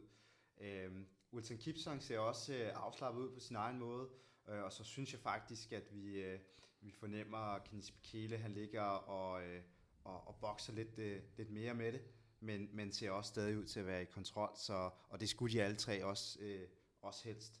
Så jeg synes, de ser, de ser friske ud, og de har måske også fået et, øh, et lidt langsommere udlæg, end de har, har ligget og haft øh, mareridt om i, i nat. Hvad for, øh, hvad for nogle tanker, tror jeg, der går igennem de her løber øh, lige nu? Der må også øh, være lidt indbyrdes rivalisering blandt. Der kan allerede nu måske være sådan lidt, øh, lidt mind games blandt de her løber. Hvis man lagde mærke til det, så øh, ret tidligt i løbet, så gik øh, Bekele lidt ud og lagde sig uden for gruppen og lå og kiggede lidt ind, og, og Wilson Kipsang har lige gjort det samme. Og det er jo sådan for at, at få lidt overblik over, hvordan ser gruppen ud, hvordan ser de andre ud, øh, og så lige få lidt, øh, lidt ro og plads til sig selv. Jeg tror, de er meget fokuseret på, at lige nu skal de ligge og bruge så lidt energi som overhovedet muligt. De skal ligge og, og drage fordel af hinanden og af de her pacer. Øhm, så det er der meget, meget fokus på. Men det kan også godt være øh, stressende at ligge så tæt sammen inde i en gruppe, hvor der man ligger og, og træder hinanden sådan lidt i hælene. Øhm, så derfor så går de lige ud en gang imellem og, og kigger på hinanden og kigger på gruppen. Øhm, men lige nu der tror jeg, de er ekstremt fokuserede, og som, som øh, der jo siger, at man kan se på Kipchoge, det handler om at ligge i midten, og det handler om at få maksimal effekt af at, at være i en gruppe sammen med nogle andre. Og jeg vil lige bryde ind øh, og sige, at øh, jeg har faktisk fundet ud af, hvem øh, den fjerde løber her i, øh, eller femte løber her i frontgruppen er. Det er etiopisk øh, Guy Adola, en fyr, som øh, vi jo kender godt i København, for han fik bronze i øh, 2014. Ved øh, VM i halvmarathon. Ja, lige præcis. Øh, og øh, jeg har ikke lige hans øh, maratontid her, øh, for jeg tror faktisk ikke, han har løbet et maraton endnu. Det kunne meget vel være hans øh, debut. Vi havde et par, par hurtige debutanter med, så det kunne sagtens være tilfældet. Øh, og det er jo dejligt frisk, at man på sit første maratonløb vælger at lægge ud i verdensrekord tempo. Personligt, har, så kan jeg godt lide det. Jeg synes, det er fedt. han har 59.06 på øh, halvmarathon, og det må jo sige at være øh, med i den bedre halvdel af dem, der er tilmeldt øh, dagens løb. Ja, hvis du går ind og kigger specifikt på, på halvmarathon så er det jo nok noget af det, det bedste, øh, vi har, men der er kæmpe forskel på at løbe halvmarathon og øh, maraton. Og mange gange, så skal man lige lære øh, distancen at kende, men der, der er ingen tvivl om, at øh, hvis man kan løbe så stærkt på, på halvmarathon-distancen, har man forudsætningerne for at kunne gøre det godt på, på en maraton. Men vi kan jo tage udgangspunkt i manden, som har verdensrekorden på halvmarathon, nemlig Tades, øh, som kommer med 58-23, men aldrig rigtig har ramt den på, på maraton. Øh, han har løbet hvad? Øh, 3-4 løb, og øh, den hurtigste personrekord, øh, eller den hurtigste tid, han har løbet, det var de der 2 timer og 6 minutter i forbindelse med Breaking 2 i, i Italien. Det vi kan se nu i, i løbet, det er, at, tiderne igen er på vej ned. Nu er vi jo faktisk for første gang i, i, i løbet, har vi en indikator på, at uh, sluttiden er langsommere end, end verdensrekorden. Hvad sker der lige i øjeblikket? Øh, altså, jeg, jeg tror sådan set, at det, øh, det handler om, øh, om, om det regnvejr, vi så lige før. Altså, jeg tror, de, de har været lidt, øh, lidt ramt af det, øh, forstået på den måde, at, at det er hårdere at løbe i, og de kan være, som vi snakker om, måske være blevet en, en lille smule kolde. Øh, og så er der jo også noget sådan rent øh, man sige, mekanisk i afviklingen af, af, af skridt, øh, når man skal løbe. Jamen, hvis det er en lille smule vådt, jamen, så bliver det bare glattere. Øh, så det kan være sværere at, at få det samme ud af, af benene. Så jeg tror sådan set, det er, jeg tror måske, de er bare gået lidt, lidt konservativt øh, til værks, og så skal man altså også huske på, at det her, det er, det er også mennesker af kød og blod. Det er ikke maskiner, der ligger øh, forrest de her pacer, så de bliver også påvirket af det. Og jeg, jeg synes, hvis der man kigger på det, så synes jeg, at der har været sådan lidt uro i, øh, i ledergruppen øh, de seneste par kilometer. Sådan, der, der er lidt uro. Jeg, jeg, jeg tror, det handler om øh, dels om vejret, og så også fordi det kan være svært at finde rytmen Og vi kan se her, at de lige råd forbi et væskedepot igen, øh, og de øh, fik alle sammen øh, fat i deres øh, væske, og øh, ja, Ilke og Kipsang løber øh, stadig med deres. Øh, Kines Bekele har, har smidt sin, og her tror jeg faktisk lige, de rundede øh, de 15 øh, km øh, i 43-44. Øh, ja, det, det er virkelig... Øh, det er virkelig spændende, man kan godt få en fornemmelse, at vi så lige før, var Kipchoge faktisk op og ligge foran den øh, forreste pacemaker. Det kan selvfølgelig have været i forbindelse med, at han skulle frem og have sin væske. Men det er også spændende at se, hvordan de forholder sig nu.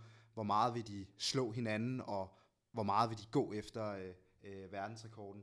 Det bliver, det bliver rigtig spændende nu her, de, de næste par, par kilometer at se løbets øh, udvikling.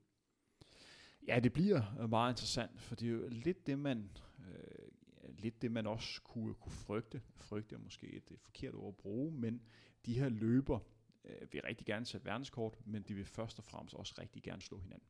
Der er stor prestige i at kunne vinde Berlin Marathon 2017. Så der er ingen tvivl om, at både Bekele og Kipsom og Kipchoge rigtig godt kunne tænke sig øh, at vinde det her løb. Og især i forhold til, øh, når vi har en løber med som Kipchoge, som ikke har tabt et maratonløb i, fire år. Han har vundet råb og stop siden Berlin Marathon øh, 2013, hvor han tabte til netop øh, Wilson Kipsang. Det er en mand, som de andre rigtig, rigtig gerne vil slå. Og så har vi en rivalisering mellem alle og Nike. Øh, der, er, der er kampen de her skogiganter om at øh, have hvad kan man sige, de bedste maratonløber. Så der er noget, som øh, hvad kan man sige, betyder meget. Samtidig med, at der er en rivalisering mellem Etiopien og, og Kenya. Så der er sådan en masse kampe i, i kampen. Vi har fået nogle nye spørgsmål. Det har vi i hvert fald, fra Anders Liggert Schmidt stiller faktisk et rigtig godt spørgsmål. Hvorfor er der så få pacere egentlig? Er der regler for det? Ved Breaking 2 så vi, at de nærmest formede en pil foran Kipchoge og company, men ikke her. Det ligner, at de får mindre lag, øh, Tim. Hvad er reglerne for brug af pacere? Altså i princippet må du have 30 øh, pacemaker med, hvis det var det. Men vi skal være opmærksom på, at et, øh, det er svært at finde øh, hvad kan man sige, pacemaker, som der kan ligge og holde øh, de her tider. Fordi der er verdensklasseløbere, de har også deres egne ambitioner. Øh, plus det skal også være nogle løber, som kender dem, øh, som er, øh, hvad kan man sige, øh, Øh, hvad kan man sige, de løber, der skal ligge og afgøre det. Øh, det betyder lidt, hvis de har sådan en indbyrdes relation. Så det er typisk nogle løber, som er vant til at træne med Kipchoge, eller Bekele, eller Kipsang, så de ved, hvad har de her, øh, hvordan kan de her løber bedst lige at have det. Hvis der er for mange løber med, så vil der også være endnu mere kaos ved væskedepotet. Vi har set det øh, både ved 5, 10 og 15, øh, nogle kaotiske scener der, og hvis der var 30 løber, der skulle ligge og tage væske samtidig, det kunne nemt øh, gå galt. Så der er sådan et, øh, et pustespil om at øh, få det hele til at, at fungere. Jeg synes personligt, at det her med, øh, ja, måske lige en ekstra, så har det været perfekt. Men et rigtig godt spørgsmål. Så har vi også øh, Stefan Jønsson, der har skrevet ind og spurgt, hvad er vores skud på en vindertid? Ja, den er, den er svær lige nu, men jeg tror, jeg tror vi kommer stadig kommer ned øh, omkring de to timer og, og, og, og tre minutter. Øh, jeg tror ikke, vi ser en, øh, en, en ny verdensrekord med, med, med 30 sekunder, men den er bestemt stadig i, i, i spil. Jamen, jeg er meget enig med Dario. Fornuftig mand. Øh, jeg, jeg tror også, at det her øh, man sige, tidlige regnskyld og, og, og den her en lille smule kaotiske stemning, der har været i starten, det kommer til at, øh, at, at sætte sine spor. Men, men i virkeligheden er den, er den mest spændende del af løbet, og det som jo bliver altafgørende for, hvor hurtigt der bliver løbet, øh, det er jo stadigvæk i vente. Øh, og det er, hvordan, hvordan de tre de udfordrer hinanden, når pacerne går ud. Fordi jeg tror, at pacerne skal nok aflevere dem i et eller andet sted omkring øh, maraton øh, verdensrekord. Men, øh, men hvad der sker derefter er jo i virkeligheden det, som kommer til at være meget afgørende. Som sagt havde vi det her Nike Breaking 2 øh, event i starten af maj måned i Italien, hvor vi fik løbet en tid på 2 timer og 25 sekunder. Øh, vi kom ikke under 2 timer, men vi kom meget øh, tæt på. På mange måder øh, var det her arrangement lavet for, at man skulle bryde grænser. Øh, men man kan bryde grænser på mange måder. Øh, og nu skal vi snakke lidt om, øh, hvad det har haft betydning øh, på øh, de store vindertider i de store løb. Hvis vi simpelthen får en vindertid i dag på 2 timer og øh, 4 minutter, når der sådan har meldt ud, at man går efter verdensrekord, og man går efter at løbe en historisk tid, vil det så i princippet være en, en skuffelse? Øh, altså jeg vil sige, at, at det er lidt et, et tosidigt svær for, for mit vedkommende, fordi jeg synes, at, at hvis der var en ting, som der også kom ud af øh, hvad hedder det, Breaking 2, så var det en, en profil omkring nogle løbere, og det, det ser vi jo i hvert fald i dag, hvor det er, at man, kan, man fornemmer, at internationalt set, og jo bestemt også i baggrund i det her program, at der fokuserer vi på de her tre løbere, der konkurrerer mod hinanden. Øh, og det synes jeg er, er sindssygt interessant, øh, interessant. Og jeg, det kan være lidt kedeligt kun at snakke om øh, verdensrekord hver eneste gang, at man har et stort maratonløb, jamen, så er det eneste folk, de interesserer sig for, det er, om der er verdensrekord øh, eller ej. Så øh, jeg tror, der er kommet, det store fokus, der er kommet på de her tre løbere, det tror jeg delvis er udsprunget af, af Breaking 2-projektet, men jeg tror også, at Breaking 2-projektet har gjort, at der er en enorm forventning til, øh, at der kunne løbes en, en verdensrekord i dag. Og især for folk, som måske ikke er inden for løbeverdenen. Men kunne man ikke være lidt bange for, at når man har haft sådan et helt opstillet løb her, at øh, maratondistancen i virkeligheden bliver lidt udvandet af, at, øh, af, at man har det her forsøg på at løbe under to, og vi har en tid, der er så markant hurtigere end en verdensrekord sat i et normalt løb. At jo. det lige pludselig ikke er specielt at løbe en verdensrekord længere.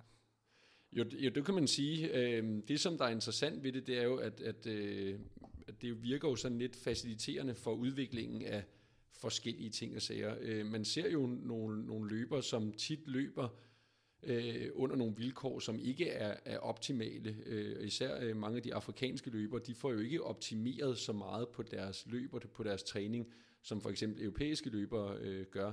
Så der er jo en, en, en enormt øh, talentmasse at arbejde med i, i Afrika, som kan, kan gøres meget bedre, hvis der man tager nogle af de her videnskabelige vinkler på det. Øhm, men jeg, øh, jeg, jeg synes også, at det er kedeligt, hvis det er, det bliver et spørgsmål om, at man skal løbe rundt på en øh, 5 km øh, atletikbane, og så kommer der pacer ind, som øh, ligger et, et pace, som er, er aftalt, og så er, det, så er det ligesom det. Øh, fordi så bliver det ikke øh, mennesket, så bliver det ikke kampen mellem atleterne, så bliver det en, en, øh, en maskine, der skal udlevere. Ikke? Og jeg vil også sige, at hvis vi for eksempel løber en maraton på en atletikbane, og skulle løbe de her 105 omgange, det kan godt være, at det sådan rent fysiologisk øh, var bedre, man kunne løbe stærkere, men rent mentalt må Jamen, det virkelig være en, hård... Okay, en 5 km, ja. Rundstrækning øh, ville jo være i, i et eller andet omfang øh, hvad hedder det, optimalt. Men, øh, men altså, man kan sige, der, der er meget, der tyder på, at, øh, at vi, vi sagtens skal komme under øh, to timer. Det er jo sådan set ikke rigtig en, en, en ny historie. Øh, en, en meget øh, kendt amerikansk øh, fysiolog, som er dygtig inden for mange områder, men blandt andet også inden for, øh, for sport.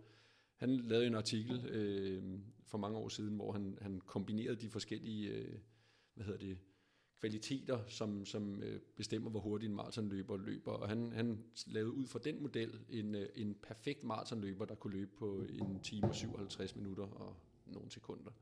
Øhm, så hvis der vi går sådan helt maskinelt til det, så, så, og vi har faktisk lige fået et rigtig godt spørgsmål, når vi nu sidder og snakker øh, Kipchoge og Sub2-projektet øh, her. Øh, uh, for Christian Nørgaard Nielsen spørger, vil I vurdere, at Kipchoge har en psykologisk fordel i forhold til de andre ved at have løbet tæt på de to minutter hurtigere end verdensrekorden tidligere? Altså, jeg tror, at det både kan være en fordel og en, og en ulempe, og det tror jeg handler meget om, hvordan han mentalt formår at, og, og omfavne den her tid, han har. Øh, I forhold til sin træning, så tror jeg helt bestemt, at det må være et kæmpe plus. Øh, lige pludselig så ved han altså, at når han er ude og løbe intervaller, det her tempo, øh, som jo er, er milevidt for verdensrekordtempo, det har jeg løbet og, kunne holde i, i, i to timer. Omvendt så bliver det også spændende at se i dag, hvor han ikke har alle de her indhoppende pace, han har ikke al den opbakning på samme måde, som han havde ved Breaking 2. Hvordan formår han at, at takle det, når han lige pludselig kommer tilbage på landevejen og mellem øh, 35 og 40 finder ud af, det her, det er ikke Monza, det her, det er, det, det er en kris, øh, det er en kris i, i Berlin. Det, det bliver spændende at se, fordi det kan både øh, tippe den ene vej og den anden vej psykologisk, tror jeg. Jeg tror også en ting, vi skal være opmærksom på i forhold til Kipchoge, det er den tid, der har været mellem Berlin, nej undskyld, mellem et løb i Monza og så i Berlin. Udenbart vil man tænke, der er lang tid. Men i løbeverdenen er det faktisk ikke særlig lang tid at forberede sig fra det ene maratonløb øh, til det andet maratonløb. Der er ingen tvivl om, øh, ved Monsterbanen, han løb alt, hvad han kunne. Han havde et maksløb. Der var ikke noget energi tilbage overhovedet. Rent mentalt og rent fysisk har han været ude for en, en sindssyg belastning. Prøv at forestille jer det pres, Kipchoge var under øh, der. Der var en hel verden, som sad og kiggede på, at han skulle prøve at løbe under to timer øh, på Marsen distance, Der sad en kæmpe gigant som Nike, der sad og sagde, at det her skal gerne lykkes, eller så skal vi virkelig være tæt på. Langt de fleste mennesker må på en eller anden måde skulle betale en regning for det pres og det stress, kroppen har været under. Og Lad os sige, at han har brugt en måned, øh, seks uger på lige at resultere på at blive klar igen. Det er ikke så lang tid, han har haft på at forberede sig til det her løb. Så det er, øh, altså, det er en stor belastning øh, for kroppen, øh, det der sker. Nu, han var faktisk allerede Øh, planen var faktisk med Kipchoge, han skulle løbe maraton i, øh, ved VM i, i London. Det var det første, der blev meldt ud. Han skulle løbe verdensmesterskabet i starten af august. Men der blev han trukket, øh, hvor man meldte ud, at øh, han ville lige øh, køre det en, en måned til, og så have fokus på, øh, på, på løbet i, i Berlin. Men, men ja, det er to forskellige slags løb, og der er ikke særlig lang tid i, øh, i, imellem. Der er løbet lidt over 55 minutter. Det var ikke lang tid, før vi har løberne i, igennem øh, det første halvmarathon. Og det er jo, bliver jo rigtig spændende at se, for det er jo der, hvor vi får den, den første sådan rigtig store indikator på, hvad vi har i vente imod slutningen. For alle, som har løbet maraton, ved, at det først rigtig begynder efter 20. Så vi har det, vi har stadig det spændende øh, i vente. Det er først nu, det rigtig begynder. Ja, jeg kan se, der, der begynder at komme flere og flere på, øh, på live-udsendelsen på Facebook. Det er jo fedt. Og vi kan jo lige samle op her. Altså, Kenesi Bekele, øh, Eliud Kipchoge og Wilson Kipsang, de ligger øh, stadig sammen. Øh, udgangstempoet har ikke været øh, de her øh, 60-45, øh, øh som Eliud Kipchoge havde, havde sagt før løbet, at han ville ramme øh, halvmarathon i. Øh, og hvad det betyder for race, jamen det betyder jo, at vi får den her kamp øh, mellem de tre løbere. Det bliver ikke et, øh, et sololøb for, for Kipchoge et par hundrede meter foran de andre. Og derfor så er vi lidt tilbage til, til nøglen her. Øhm, hvordan tror du, øh, Henrik, at løbet det, det udvikler sig? Tror du, øh, at Wilson Kipsang bliver den her lead-out man for dem øh, og sætter tempoet op mellem 30 og 35? Jeg tror, at det store spørgsmål lige i øjeblikket, det er, hvilken af de tre store favoritter, der tør at åbne løbet. Øh, hvem af de tre har benene og det mentale overskud til at øh, forsere tempoet? Øh, det kan godt være, at vi skal rigtig, rigtig langt hen i løbet, før der er en, der, der tør åbne op. Øh, fordi hvis løberne begynder at, at tvivle, øh, også på niveau, og måske begynder at frygte nogle af de andre, så kan det øh, medføre sådan en, en lille stopklods øh, for dem. Og det kan også godt være, at, at de øh, begynder nu at få, at få mega meget respekt for hinanden. Som sagt, der er tre af de bedste løber igennem tiderne. Og især Kipchoge, det er en løber, de to andre rigtig, rigtig gerne vil slå. Så der er meget indbyrdes rivalisering. Så det store spørgsmål er, hvem åbner først, og, og bliver der åbnet det hele tiden? Men vi skal ikke, vi skal ikke glemme, at øh, for to år siden, hvor Kipchoge løb det her løb her for sidste gang, der allerede efter var det 11 km, der mistede han øh, begge sine såler i skoen. Og der han havde mistede man, dem ikke. Nej, han, havde dem stadig. og der havde han jo også meldt ud, at han gik efter verdenskort, og der løb han bare stille og roligt fra de andre løber. Og man tænker, hvorfor står han ikke op og lige og ordner de her sko? Men det gjorde han bare ikke. Og hvis man kan løbe 204 i Berlin med sådan to øh, soler øh, i skoen, øh, sådan flappen op, så har man altså et, øh, et højt niveau. Men det var 2015, nu er vi i 2017. Det er, det er en anden dag, det er et andet løb.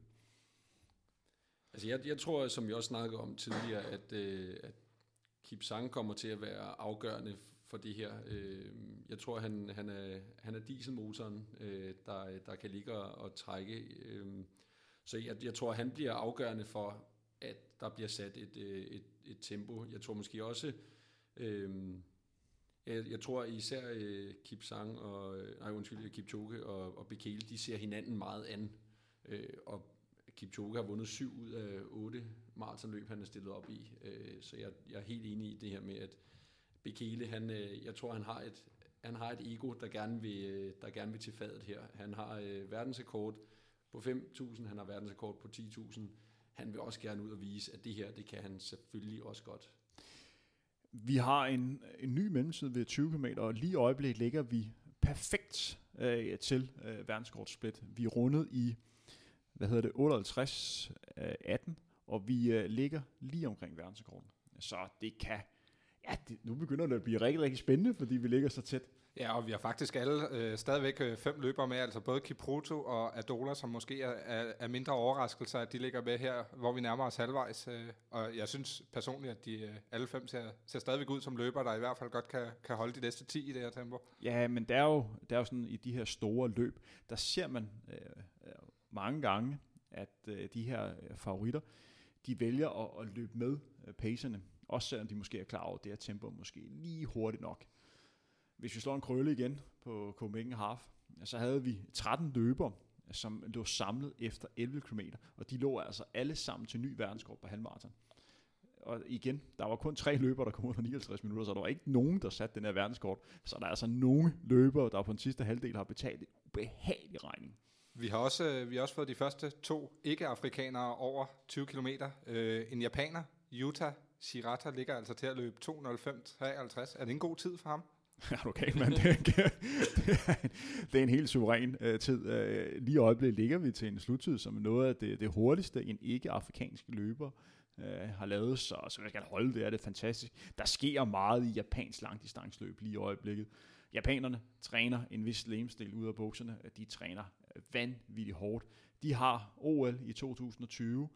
En af de største ting overhovedet i japansk idræt, det er maratonløb. De er kæmpe stjerner derovre. Så hvis han kunne få en, en 2.05 eller 2.06 tid med, jamen han ville være en gigastjerne i Japan. Og med så har han altså også en brite, Alex Milner. Er det en, I kender til? Fordi øh, i min verden er der kun én britisk, øh, britisk langdistanceløber. Ah, der, der er flere. Altså, øh, der er, der er Mo Farah, der er også en Callum Hawkins, mm. som vi her i det her program godt kan lide, fordi han vælger at bare altid løber. bare at, at løbe for spil af. Det var på. Det er rigtigt, der er også en, der hedder Mo Farah. ja, det var faktisk også uh, Hawkins, jeg sad og tænkte på. vi, vi, vi er næsten nødt til at huske uh, Mo Farah. Men, men uh, ja, han har, han har løbet 5 og, og 10.000 meter uh, for det meste. Så, så han, hvis han ligger til en sluttid omkring det, så er det jo godt nok et voldsomt udlæg, uh, han har. Og med til den japanske løber skal det jo lige siges, at han løb et halvmarathon i sidste uge på, øh, på 60, øh, 60 høj, altså 3, en time. Øh, så øh, det, det er noget, øh, vi kender fra en anden øh, japansk løber, Henrik. En af dine øh, personlige øh, favoritter. Jeg er vild med øh, Yaru Kawuchi. Altså, Yaru Kawuchi, altså, han er blandt de, øh, de sejeste løber, der overhovedet findes på den her planet. Her, hvor vi får en, øh, en mellemtid, 1.01.30, så vi, eller 1.01.29 for at være helt præcis, så vi ligger meget, meget tæt på, på verdensrådssplit. Det her, det, det bliver rigtig, rigtig spændende. Jeg havde umiddelbart troet, at det ville komme til at gå, gå lidt hurtigere, øh, men øh, ja, nu ligger vi spot on ja, på altså Hvis vi sammenligner med Kimetos øh, verdensrekordtid, øh, så splittede han på 61-45. Øhm, han løb en, en voldsom negativ split ja, dag. Han, løb. Han, øh, altså, han løber den anden halvdel på 61-12. Øh, men der, hvor Kimeto han ligesom går ind og, og, og smadrer det fuldstændig, det er fra 30 til 35, hvor han løber øh, en, øh, en 5 km split på, på 14 minutter og 10 sekunder. Hvis vi holder, ja, det, det er vanvittigt, det var et helt øh, sindssygt løb. Hvis vi lige har fokus øh, på løberen lige i øjeblikket, det var næsten lidt som før Kipchoge, han lå sådan og kiggede rundt og, og sagde til de andre, hvad så drenge, øh, løber vi i dag eller hvad? Men du nævnte lidt uh, Kavuchi. Uh, Kavuchi, den her japanske legende, der hver eneste år løber ja, 15 maratonløb. Øh, mange af dem hurtigere end, øh, end 2 timer og 15 minutter. For to år siden, der havde han øh, syv løb under øh, 2.10. Og hvis du regner hans top 5 gennemsnit ud, bare øh, de løb, han selv løb, så er det faktisk bedre end et sådan stort løbeland, som USA havde, hvis vi tog deres fem bedste maratonløber.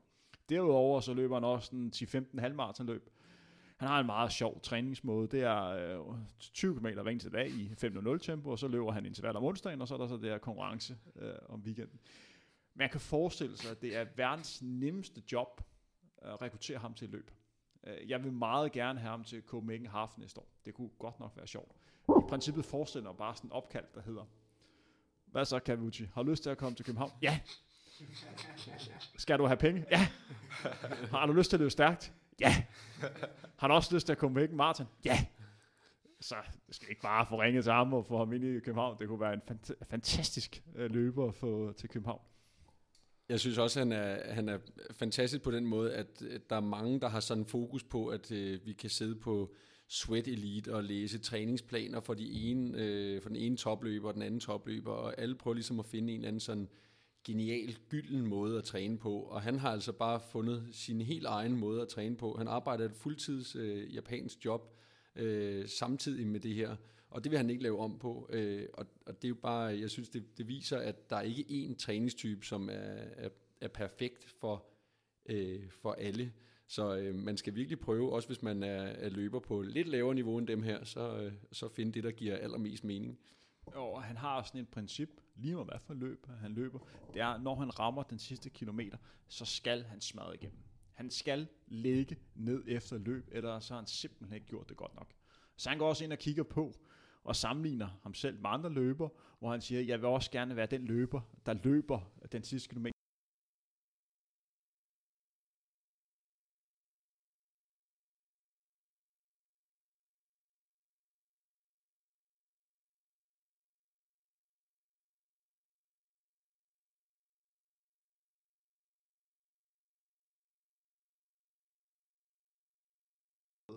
Uh, vi så Kines Kæle kigge lidt på, på uret, og vi så igen en, uh, en Eliud Kipchoge altså gå frem før væskedepotet. Han har simpelthen overskud til at gå frem og sørge for at få sin, sin væske.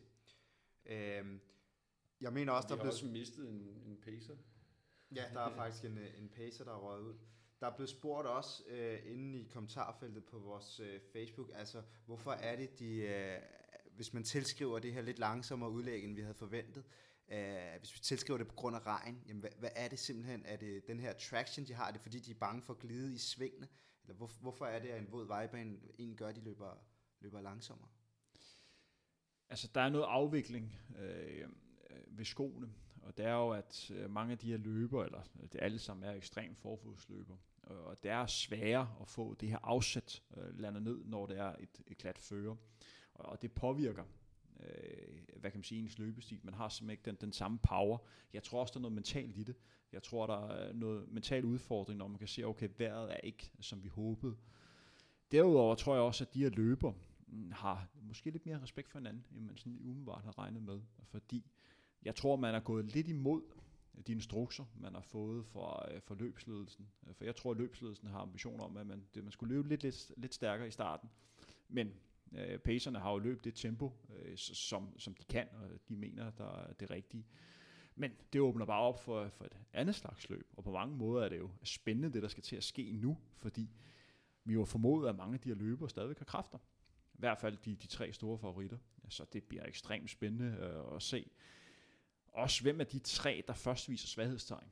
Det vil være overraskende, hvis vi ser, at øh, Bekele og Kipchoge og Kipsang alle sammen være flyvende efter 35 på en maratondistance, der, der plejer som regel at være en, der har en dårlig dag. Øh, og det bliver spændende at se, hvem der har det. Øh. Tror du, vi ser øh, nogle af favoritterne udgå? Tror du, vi ser en, øh, en Kipsang eller en, en Bekele? Bekele har en, en historik for ikke at være bange for at udgå i hvert fald. Øh, tror, tror du, de dropper ud, hvis de kan se, at det, det ikke lykkes? Uh, interessant spørgsmål. Uh, jeg kunne godt forestille mig, at uh, sådan en løber som Bekele er en lidt enten eller uh, løber. Så jeg tror enten kommer han til at blive uh, etter eller, eller to, så, eller så vil han udgå. Uh, Kipsang plejer ikke at udgå lige meget, hvor, hvor dårlig uh, løberen er. Uh, som sagt, det er en løber, som har vist et højt topniveau igennem flere år. Uh, Kipchoge har jeg aldrig set have en dårlig dag. Uh, så, det er også, han er også kun blevet nummer et eller to. så, så på den måde er det er lidt svært at vide, hvad, hvad Dane han vil, han vil gøre. Men, øh, men det kan være svært for, for løber, som aldrig har prøvet at have sådan en dårlig dag. Øh, fordi det må jo komme på et eller andet tidspunkt, så det bliver interessant at se, hvad han, hvad han gør, om han sådan rent mentalt kan, øh, kan takle det. Fordi det er noget, som alle løbere på et eller andet tidspunkt kommer, kommer igennem. Og det vil Kipchoge også opleve. Men øh, lad os håbe, at det ikke bliver i dag for ham. Tim, øh, vi har fået nogle spørgsmål om dansk maratonløb. Yes. Øh, det første spørgsmål er, hvem bliver hurtigste dansker i dag? Øh, vi sidder jo med nogle Nørrebro-drenge her, og nogle af dem, der kender, kender løbemiljøet. Vi kan lige... Øh, altså, øh, faktisk har vi haft en, en dansker i, i billedet. Vi har øh, en fra Sparta, der hedder Mathias Eriksen, som har været i billedet. Hun, han ligger sammen med en... Der er sådan øh, to tyske tvillinger, der hedder Hanna-tvillingerne. Øh, og der har han faktisk været et billede, Mathias Eriksen, der ligger til en sluttid på hvad? 2.26, 2.27. Han har en personlig kort på 2.30.02, tror jeg, så det vil være en, en markant forbedring, øh, hvis han gør det. Og han ligger lige umiddelbart øh, til at, at være den, den bedste dansker. Det kan godt være, at der er andre med, men det er ikke det, jeg har hørt øh, på, på forhånd.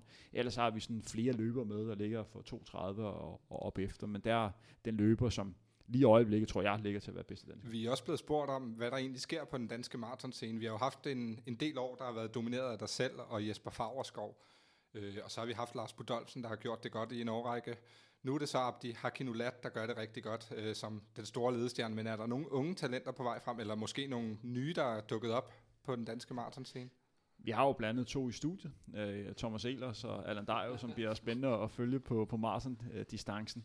Øh, men, men ja, Øh, der er sket en, en generationsskift. Øh, først og fremmest har vi jo en løber, Abdi, der viser et højt niveau til verdensmesterskabet og bliver nummer 13 øh, til VM er rigtig flot. Vi kan lige nævne, at vi har fået den, den førende kvinde over, over halvmarathon i øh, 1.09.40, Ruti Aka.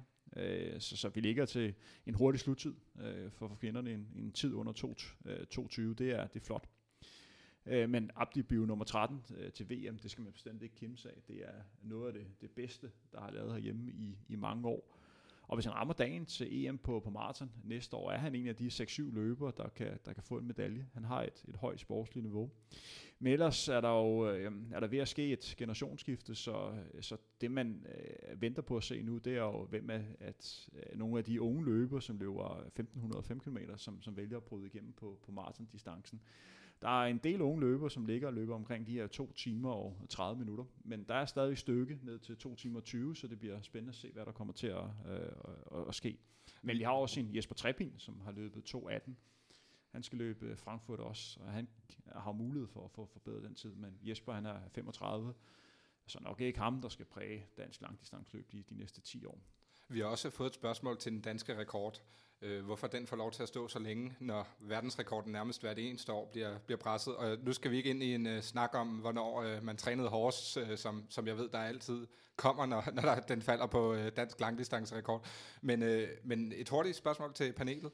Vi bliver, nød, vi bliver nødt til lige at stoppe her, fordi Bekele er droppet af. Bekele er ikke længere blandt de, de førende løbere. Han kan simpelthen ikke følge med. Lige i øjeblikket er han 150 meter efter.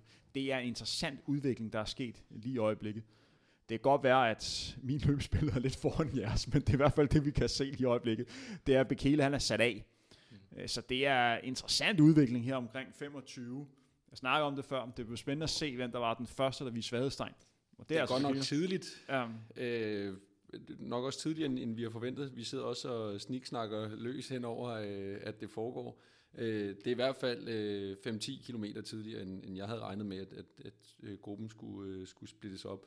Men øh, på den anden side, altså vi har jo også set, om vi snakkede om, om, øh, om London, øh, hvor han kunne øh, ligge og, og, og hale ind, og det virker på en eller anden måde som om, at det måske også kan være en, en rolle, der, øh, der, der kan tilfalde ham øh, udmærket, men det er absolut ikke efter hans plan det her, at, at ligge og rode rundt øh, 150 han kommer, til at, han kommer til at bruge mange kræfter selv. Det er hårdt at absolut. ligge der. Hvad siger du til det, dig? Jamen altså, det, øhm, det, det virker lidt som om, at det, ja, det allerede er, er game over for ham. Vi så altså sidste år, at han godt kunne ligge og lukke nogle huller på de der 20 20-30 meter, men, men, øh, men det her, det ser, det ser mere alvorligt ud. Øh, det ligner noget, noget mekanisk øh, af en art. Øh, da vi så ham øh, droppe ud af, af Dubai øh, øh, tidligere på året, der, øh, der var det lignende, men der fandt man så ud af, at han var, han var styrtet i, i starten. Men, øh, men han ser lidt, lidt ud, som han, han gjorde der. Øh, så jeg tror, han er, jeg tror desværre, han er væk.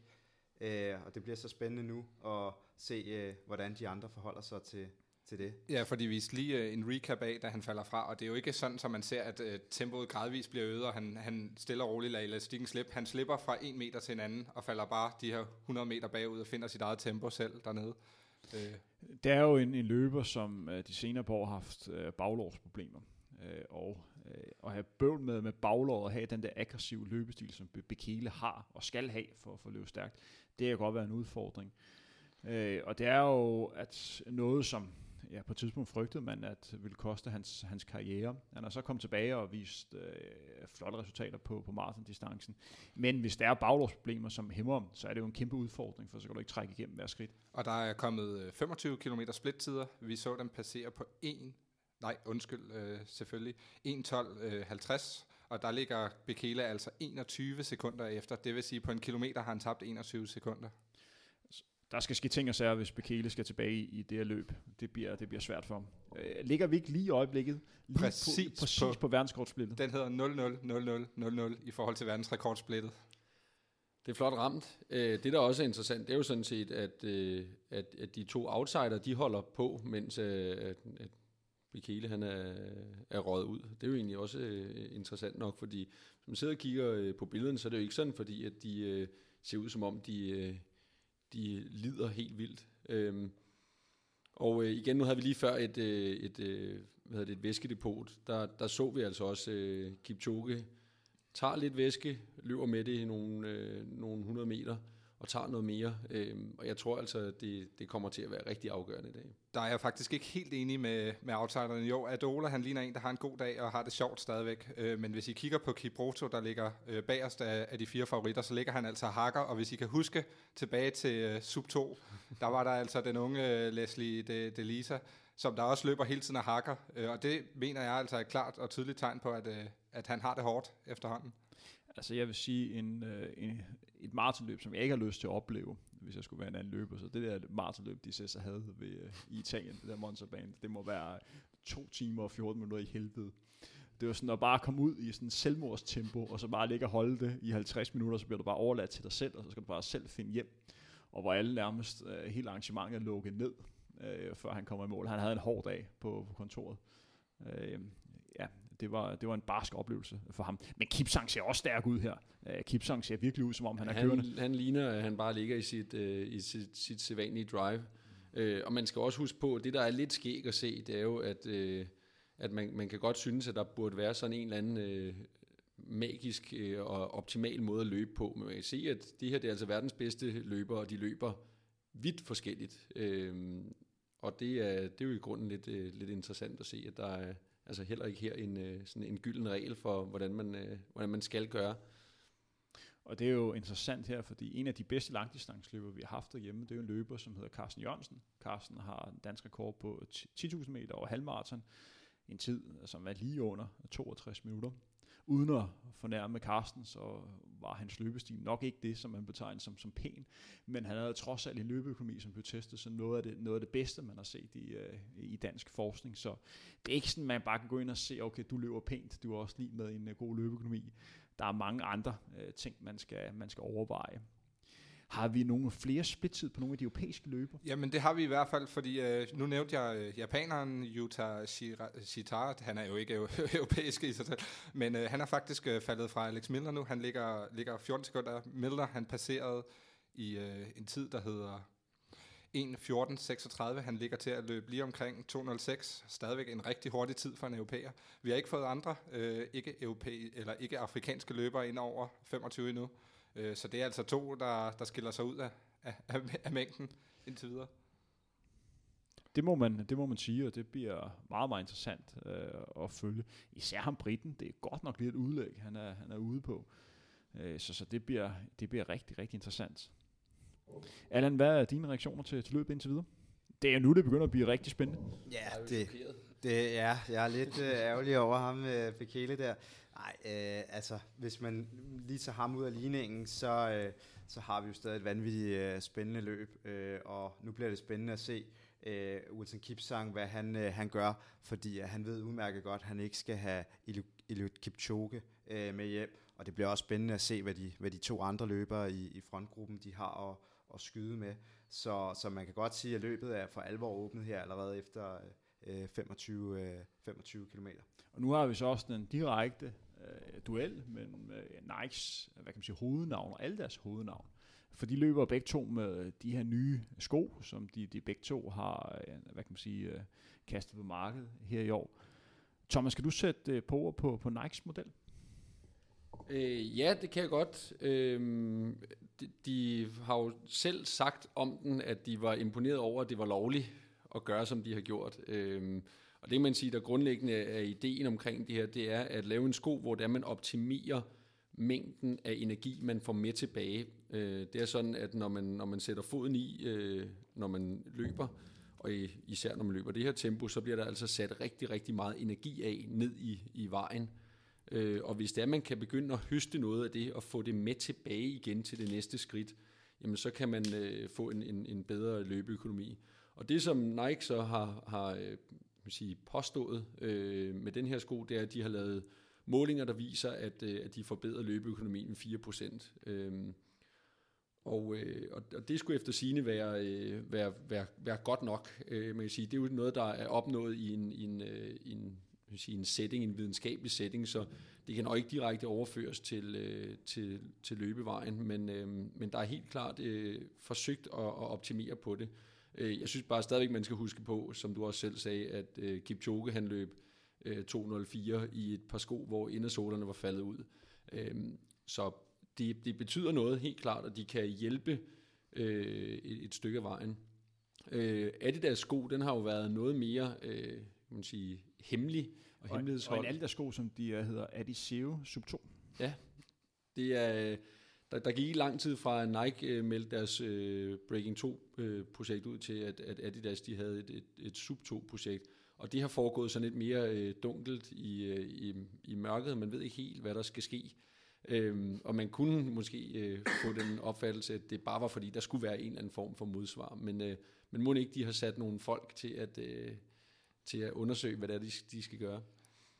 Altså, der er jo den her ting med Adidas, de har gjort i en del år, øh, at de har lavet det her Ultra Boost, eller, øh, eller hvad de kalder det, Boost øh, Skum, som der efter sine også skulle give en hel masse energi tilbage. Og det kan jeg også huske, de snakkede om i starten, for er det tre år siden, de udkom med det, øh, hvor de sagde, at, øh, at de vidste ikke helt, om det var tilladt at bruge i konkurrencer endnu, men øh, man har set det på alle deres sko, og nu er det faktisk øh, mere normen, end det er undtagelsen, at man kan købe øh, Ultra Boost sko. Og det er der også på Sub 2, kunne jeg se. Det er fuld øh, sål af Boost Skum. Allan, du har, har jo en, en forkaldet for sådan en uh, hoppende kat, øh, også kaldet en puma. Øh, Men ja. øh, hvis vi sådan kigger lidt bredere pensel, øh, nu er det ikke sådan, at Puma dominerer øh, de hurtigste tider på, på maratondistancen. Nej, det vil være synd at sige. Men hvad, øh, hvad er dine reaktioner til de her to sko? Hvad synes du om, om den her duel mellem de her to øh, nye skogiganter? Ja, ja, men det er jo øh, uden tvivl de, øh, de største spillere på markedet, øh, Nike og, og Adidas. Øh, og man kan sige, at øh, der, hvor jeg synes, det er rigtig interessant, det er jo altså, at, at Wilson Kipsang har jo vist, at man kan løbe virkelig hurtigt i et par Adidas sko. Og Adidas har også alle øh, verdensrekorder øh, indtil videre. Men hvis man tager forgængeren til... Øh, til den øh, sko, som, øh, som Eliud Kipchoge løber i i dag, så er det en Zoom Streak, og det er faktisk den maratonsko i verden, der har vundet øh, flest øh, maratonløb. Øh, så, så Nike har, er jo bestemt med, men, øh, men lige på, på verdensrekordtider, så har vi bare set, at det har været Adidas. Også på kvindesiden har vi set et, øh, en, en verdensrekord i halvmaraton også blive løbet i, i sko med det her øh, boost-materiale. Øh, og inden vi går videre, så vil jeg lige sige, at vi får nogle tæsk på, øh, på Facebook for ikke at kommentere løbet. øh, og når vi ikke sidder hele tiden og kommenterer løbet, så er det fordi, vi simpelthen ikke får billeder hele tiden. Øh, tysk tv vælger at få, øh, helt øh, forståeligt nok at fokusere øh, på de tyske kvinder, øh, de to harne tvillinger. Men øh, vi er for, for vores lyttere så hold. Vi skal lidt holde fokus på, på, på selve løbet. Lige i øjeblikket, der nærmer vi os en time og 23 minutter. Som sagt, det mest interessante indtil videre, det er, at en af favoritterne, Kenneth Bekele, er faldet fra. Vi har også fået de førende kvinder ude ved 25-markeringen, og der har vi en, en gruppe bestående af, hvad er det, fire kvinder, der ligger samlet, og de rundede 25 km i 1 time, 22 minutter og 26 sekunder. Hvis jeg lige skal regne lidt, så øh, indikerer det en sluttid på lige over 2 timer og 19 minutter. Så det er ganske pæn fart, øh, de her øh, kvinder skyder afsted med. Det er ikke så tit, at vi får en vindertid på under 2 timer og 20 minutter i de her store løb øh, for kvinderne, så, så det, er, det er rigtig flot, øh, hvis det kunne, kunne ske. Nu har vi billeder for, for herrene, og nu er der kun én pacemaker øh, øh tilbage, og der ligger, hvad er der samlet her, der ligger fire løber. Vi har stadigvæk Kipchoge, øh, vi har øh, Kipsang, og så har vi øh, ja, Kiproto, og så vores øh, etiopiske ven. Og øh, ja, de øh, ligger øh, stadig samlet her, hvor at, hvad må de nærme sig? De må nærme sig øh, 30 km. Ja, de passerer vel 30 om, om ganske få minutter. Ja, ja sådan to-tre minutter, hvor man kan se, at Bekele, han har det, han har det hårdt. Øh, de har løbet lige præcis 28 km og øh, 700 meter. Så øh, ja, om Men- øh, sådan 3-4 minutters tid. Nu, øh, nu bliver jeg jo lidt, øh, nu bliver jeg lidt øh, nysgerrig, fordi vi snakkede jo tidligere om, at øh, Bekele, han var en, der enten kommer et eller to, eller også så udgår han. Og vi ser ham altså kæmpe videre sammen med en, øh, en, øh, en pace, pacer nede bagved. Øh, han fortsætter altså. Jeg tror, han giver det et forsøg. Øh, prøv at se, om han kan komme tilbage. Der kan jo også være de her løber, der går kolde. Og, øh, men det store spørgsmål er, hvad er der sket med Bekele? Øh, er han en skade? Har han fået problemer med maven, eller kan han simpelthen ikke følge med? Jeg tror ikke, det er det første. Øh, jeg tror, der er, som du nævnte, Thomas, at der er sådan måske et eller andet sådan mekanisk øh, galt med ham. Man kan håbe for ham, at det lige pludselig ændrer sig. Man har jo set undervejs, at ja, nogle smerter kan være, kan være slemme omkring 25 km, så lige pludselig være bedre efter 30. Så det kan også være det, som, som Bekele øh, håber på. Jeg ved, at Bekele i forhold til hans løb i, i Dubai, hvor han dels fik en, øh, en dårlig øh, start, hvor han, øh, hvor han simpelthen blev reddet ned, da starten gik og altså styrtet, men kom op igen, men han klagede også efterfølgende over, at han faktisk havde fået vabler i sine sko, og det var også den her breaking, de første der breaking 2 sko, han, han løb i. Øh, og vi, vi sad faktisk og snakkede lidt inden øh, løbet om, at der, det var sjovt, at, at Nike faktisk øh, har, har valgt at have så meget fokus på Elite Kipchoge, og egentlig ikke har, har brandet øh, Kenny Bekele så meget op til det her løb. Kan det være fordi, at øh, han simpelthen har været ude og sige, at øh, man får simpelthen vabler i, i, i de her sko? Det er da i hvert fald interessant. Det kan jo være, at han, øh, han bare har fået en vabel. Ja, der, der var i hvert fald, altså det var næsten sådan, at han gav skylden øh, til skoene i, øh, i London, hvor han sagde, at, øh, at øh, det, det var Nike sko, øh, der var skyld i, at han ikke øh, kunne, kunne løbe til. Og det må man sige, det, det giver i hvert fald også lidt problemer øh, på bagkanten med, med så stor en sponsor.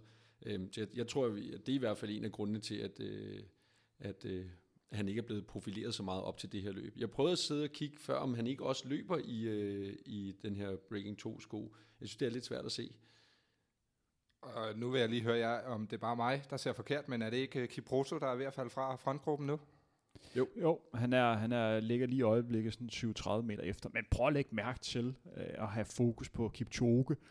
Han ser godt nok skarp ud lige i øjeblikket, Kipchoge hvor han godt løbende. Det her, det ligner, hvis du fjerner alle de andre løber og fjerner sådan tiden dernede, så er man lidt i tvivl om, om det her det er bare sådan en hygge søndagstur, eller om det rent faktisk er Berlin Marathon er ude på, fordi altså, Jamen wow, det, han er fokuseret. Det er de der øjne der, der bare siger, jeg skal fremad, jeg skal fremad. Der er jo ingenting at mærke på ham. Øh, der er kun vinderøjnene der. Nej, men den der ro, han, han besidder, øh, blandet i den her Sub2-dokumentar, øh, øh, som kører lige i øjeblikket øh, på amerikansk tv, også kan findes på internet, hvis du ind og søger på den.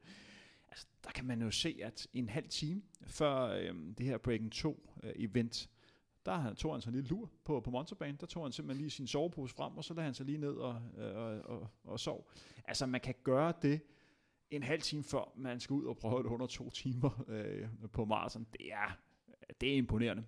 Nu vi, har, vi har dem ude på, øh, på 30, mi, 30 km nu, øh, ifølge trackingen. Og, så, og hvad har vi tid lige i øjeblikket? Der er gået lidt over en time og øh, 27, så vi har snart nogle, nogle nye mellemtider på den. Og det bliver jo interessant at, at følge om, hvor hurtigt det går. 1.27, 24 på 30. Øh, løber øh, Kipchoge egentlig bare venter på, at Dre, øh, Payson han, øh, han dropper ud, tror jeg. Vi ser et, øh, et hug fra ham, øh, lige så snart Payson han, han dropper ud. Nu er, nu, han væske her. Nu er Kipsang stoppet. Kipsang er simpelthen stoppet. Kipsang er ude af, af løbet, ser det ud til, at han stoppet samtidig med en af pacemakeren her efter præcis 30 km. Interessant udvikling. Hvad skete der her? Han stoppede præcis samtidig med en af de her, en af de her pacer. Det er da godt nok overraskende. Lige, så lige pludselig er det så kun Kipchoge, der er tilbage af de her tre giganter. Hvilken drama vi har lige i øjeblikket i Berlin Marathon 2017. Hvad denne skete der der med Wilson Kipsang? Jeg tror, øh, jeg tror simpelthen, at man skal, skal øh, tillægge noget af, hvad hedder det, øh, af skylden til, til vejret. Altså, de løber stadigvæk i, i ekstrem høj luftfugtighed. Jeg tror simpelthen, at det øh, tager vanvittigt hårdt på dem. Øhm, så det, det tror jeg er en, øh, en, en stor del af forklaringen, men det er godt nok en, øh, en voldsom udvikling. Ja, det ligner jo ikke. Vi, vi var inde på det tidligere med, øh, med Wilson Kipsang, og vi har set ham øh, før løb i mål i, i løb, hvor han ikke har været særlig godt øh, løbende, og han, han stiller også gladeligt op til de her øh, engelske Great Runs løb på, på 10 og halvmarathon, hvor han også ved, at han ikke kommer til at vinde. Så, så det må helt klart være noget, noget mekanisk øh, der, der sker her. Han stopper i hvert fald ikke, fordi han, er, han bare er træt. Vi får en kommentar på øh, Facebook. Øh, Christian Nørgaard Nielsen skriver, Kipson, Kipson pegede på sin mave, øh, så må ikke, øh, der simpelthen har været noget maveproblemer. Det så også ud, som om der var noget her i væskezonen. Øh, nu er det lige... Jo, men øh, det, ser, altså, det ser rigtig, rigtig sjovt fordi at når løber stopper normalt, så kan man, øh, altså så er det ikke ved en 30 km øh, markering, så er det sådan, prøver man gradvist at kæmpe. Her han følger med øh, de forreste løber, og så lige når han skal tage hans væske, så stopper han bare op. Øh, så, så det er meget, øh, meget anderledes, end hvad man normalt Altså, ser. det her, det her er jo en ekstrem rutineret mand. Han har løbet så mange løb, og han har løbet under den mand, der har løbet flest gange under 2.04, så han, han ved jo godt, hvad det er, at det her det går ud på, så der må være et eller andet, der gør, at han er helt sikker på, at øh, han har det overhovedet ikke i sig i dag. Nu ser vi, at Dola, altså vi, er, vi snakker om en mand fra Etiopien, der har debut på, øh, på maraton, der, er, der ligger og, og ligger ved siden af, af Eliud Kipchoge. Hvordan tror I, Kipchoge forholder sig til, det er, jo, det er, jo, er det en løber, Kipchoge har haft fokus på inden start? Helt ærligt, så tror jeg ikke, Kipchoge skæmmer min tanke. Øh, jeg tror, at Kipchoge han er så meget fokuseret lige i øjeblikket på hans egen mission, og det handler om at sætte verdenskort. Det, der er altid interessant med Kipchoge, det er, at han laver ingen fejl. Han, han har jo ikke vist nogen svaghedstegn overhovedet. Han gør alting rigtigt. Han får drukket sin væske, han får lagt sig rigtigt i feltet, og han får løbet så afslappet som overhovedet muligt. Det vi også skal have fokus på nu, det er, at vores etiopiske ven, han ligger også til at, at, ja, at få en fantastisk debuttid. Nok den hurtigste debuttid nogensinde på maraton. Det er en debuttid, som, eller en rekord, som Dennis Kimeto satte i Berlin øh, ved 2013. Jeg mener, det er sådan to timer og ja, fire minutter og 12-13 sekunder. Så, så det er, den er på vej til at smadre, at han på den måde kan træde ind øh, på maratonscenen og følge med verdens bedste maratonløber, måske igennem tiderne, som den eneste her omkring 32 km. Det er interessant. Jeg vil så lige sige, at øh, de løb øh, lige sidste kilometer, kilometer 31, øh, cirka 5 sekunder langsommere end den sidste kilometer med pacemaker. Men det er jo også meget normalt, at tempoet måske lige går et stykke ned, indtil de selv finder. Til gengæld så synes jeg, det ser ud som om Kipchoge stille og roligt øger og øger øh, tempoet og øger sin skridtlængde i Ja, forhold til, da der jeg- var en pacemaker med. Jeg tror også, at det var meget, meget kaotisk, da Kipsang lige pludselig stoppede, og jeg tror også, det kom bag på øh, de her to løber her, at øh, en af de store navne, han lige pludselig var væk, fordi Øh, det var meget overraskende, at han stoppede op på, på den måde.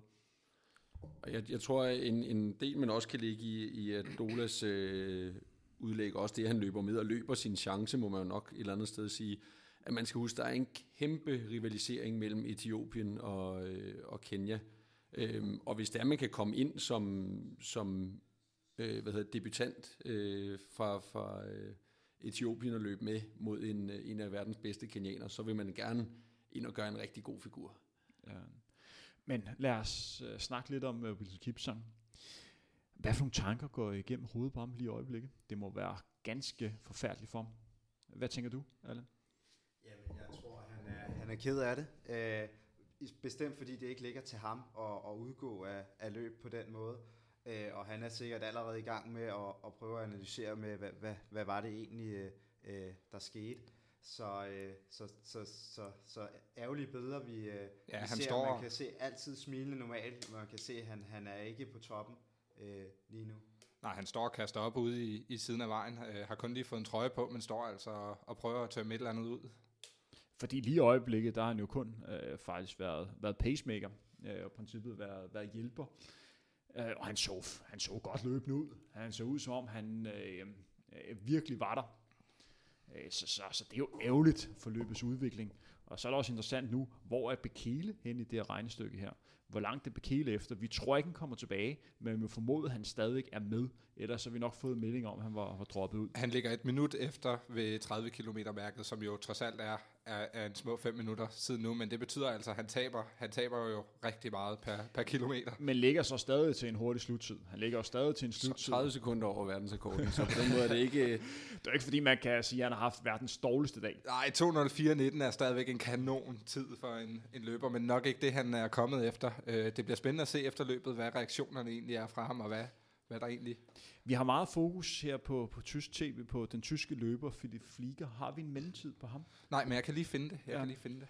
Det, som, som jeg synes, man også kan, kan lægge mærke til i forhold til, øh, til den her sådan opdeling. Altså vi ser, at der er en, en pace-gruppe, som har ligget sammen med kvinderne, og så sammen med nogle hurtige europæiske mænd. Det er i hvert fald også noget, vi har snakket om, øh, vil være interessant også at se i, i højere grad måske i, i dansk løb, at man her der vil man fra tyskernes side rigtig gerne have de europæiske hurtige atleter frem og levere en god tid, så de får ikke bare lov til at, øh, at løbe deres øh, eget løb øh, de her øh, fem minutter længere nede end, øh, end eliten, men, men man ser, at der er blevet sat øh, pace ind for, at de skal, skal levere en god tid, så det vil tyskerne jo gerne have. Det man gør i, øh, i, i Tyskland, det er, at man har altid fokus på, hvem der er den hurtigste tysker. Og den, der er den hurtigste øh, ved Berlin Marathon, øh, det er ham, der hedder Philip Flieger, som sagt har løbet på 2 timer, 12 minutter og 50 sekunder. Og så går man simpelthen ind og, og prøver og, og ser, om man kan finde andre europæiske løber, som passer på, på hans niveau, og så prøver man at skabe en gruppe omkring ham. Øh, så hvis man, løber, øh, hvis man løber hurtigere, så er det ikke nødvendigvis sikkert, at man har de samme muligheder, som han har. Hvis man løber langsomt, er heller ikke øh, sikkert. Men man prøver at, at have de her interesse for den bedste tysker. Det er lidt andet setup, man har i Frankfurt. For i Frankfurt vil man rigtig gerne være det løb, som har flest løber under, jeg mener, det er to timer og 16 minutter eller sådan et eller andet. Så det vil man gerne være den, det løb i verden, der har flest løber øh, under, den, under den grænse. Og det er det, som man har fokus på, og det er det, som man har, har valgt i, i Frankfurt. Og der har man også interne, øh, hvad kan man sige, konkurrencer, hvem der er bedste europæer, øh, hvor der er præmier til 1, 2, 3, 4 og, og 5. Vi ser jo ham på billederne lige nu. Han ligger sidst i en gruppe, der passerede øh, 30 km mærket i en tid, der hedder 1.33.49. Men det er jo et stykke efter, det er jo et stykke efter vores, øh, vores hurtigste øh, europæer lige nu, øh, Briten men der har passeret i 1.29, Hvis han ligger i 1.33 ved 30 øh, km, så ligger han altså stadigvæk til en sluttid omkring sådan 2.10-2.11, så det går hurtigt for ham. Det er flot. Og vi har jo stadig, altså, øh, nu skal Kipchoge, man skal jo ikke glemme øh, Adola, som ligger sammen med øh, Kipchoge. Det er vel virkelig en, en fordel i forhold til verdensrekorden, at, øh, at der ligger en, der kan, kan presse ham nu. Øh, hvordan, øh, hvad tænker I om det? Er verdensrekorden stadig, øh, når vi den i dag? Verdensgrunden er stadig i spil. Øh, det er en kæmpe fordel, at øh, Kipchoge har en løber med, Adola, som kan, kan ligge og presse. Hvis man skal nå det ypperste, så er man brug for, øh, hvad kan man sige, at have en, der, der presser en. Ellers kan man nemt ryge lidt ned i kadence. Vi får lige en øh, kilometertid på kilometer 33, der hedder 301. 301, så er tempoet gået øh, betydeligt ned. Øh, altså som sagt, verdenskortsplit er under 2,55, så lige i øjeblikket ligger vi 6 sekunder øh, fra Øh, og det kan jo tyde på, at øh, Kipchoge måske ikke helt er på, på, på toppen. Det kan også skyldes, at han øh, begynder at, ja, øh, at være lidt bekymret for den etiopiske løber. Det tror jeg umiddelbart ikke, men øh, ja, det er da ærgerligt i, i forhold til, øh, i forhold til verdenskort. Altså jeg tror, at øh, også nu hvor vi så øh, Kip Sang, der stod af løbet og pegede på sin mave og stod og kastede op osv., jeg tror altså det, som øh, som kan være en, en, en fornuftig forklaring på, hvad det er, at øh, de her løber, de går igennem i dag. Det er, at de bliver kølet ned på maven, øh, når de er ude og løber. Det er alle, der har, der har løbet øh, i, i koldt vejr, ved, at det kan være rigtig, rigtig hårdt ved maven. Og det, som, som der sker, det er, at både øh, tømningen af maven og, og, og tarmene går øh, i stå, fordi at, at maven bliver kølet ned. Øhm, nu ligger Kipchoge og smiler på de billeder, vi kigger på. Det jeg synes også, noget. Øh, det er værd at bemærke hans øh, ben. Man kan fokusere og læse meget på hans stil. Man så lige da pace-sætteren stod af, så så man Kipchoge nærmest eksplodere i hans løbestil. Virkelig træde hårdt igennem, som om han prøvede lige at sætte Adola. Øh, det var i hvert fald det, jeg tænkte, det så ud til. Nu ligger han altså slapper af. Det, det er ikke nær så meget kraft, han ligger i, i sit skridt lige nu. Til gengæld så ser han også stadigvæk helt abnormt afslappet ud, og en mand, der har stort overskud, synes jeg. Ja, man må formode, at øh, Kipchoge har kontrol over det her løb, men altså, Adola har alt at vinde. Altså prøv at være i hans sko lige i øjeblikket. Han ligger sammen med nok den bedste maratonløber igennem tiderne på hans første maraton. Altså hvis han vinder det her, så er det godt nok et bedrift. Det må man sige. Og jeg synes altså også, at han ser øh, ekstremt øh, afslappet ud af Adola også. Han har ikke en lige så smooth løbestil som, som øh, Elliot Kipchoge, men, øh, men han, øh, han ligger altså og ser rimelig, rimelig stabil ud. Og nu, øh, nu, smiler, nu smiler Kipchoge lidt til os i, igen.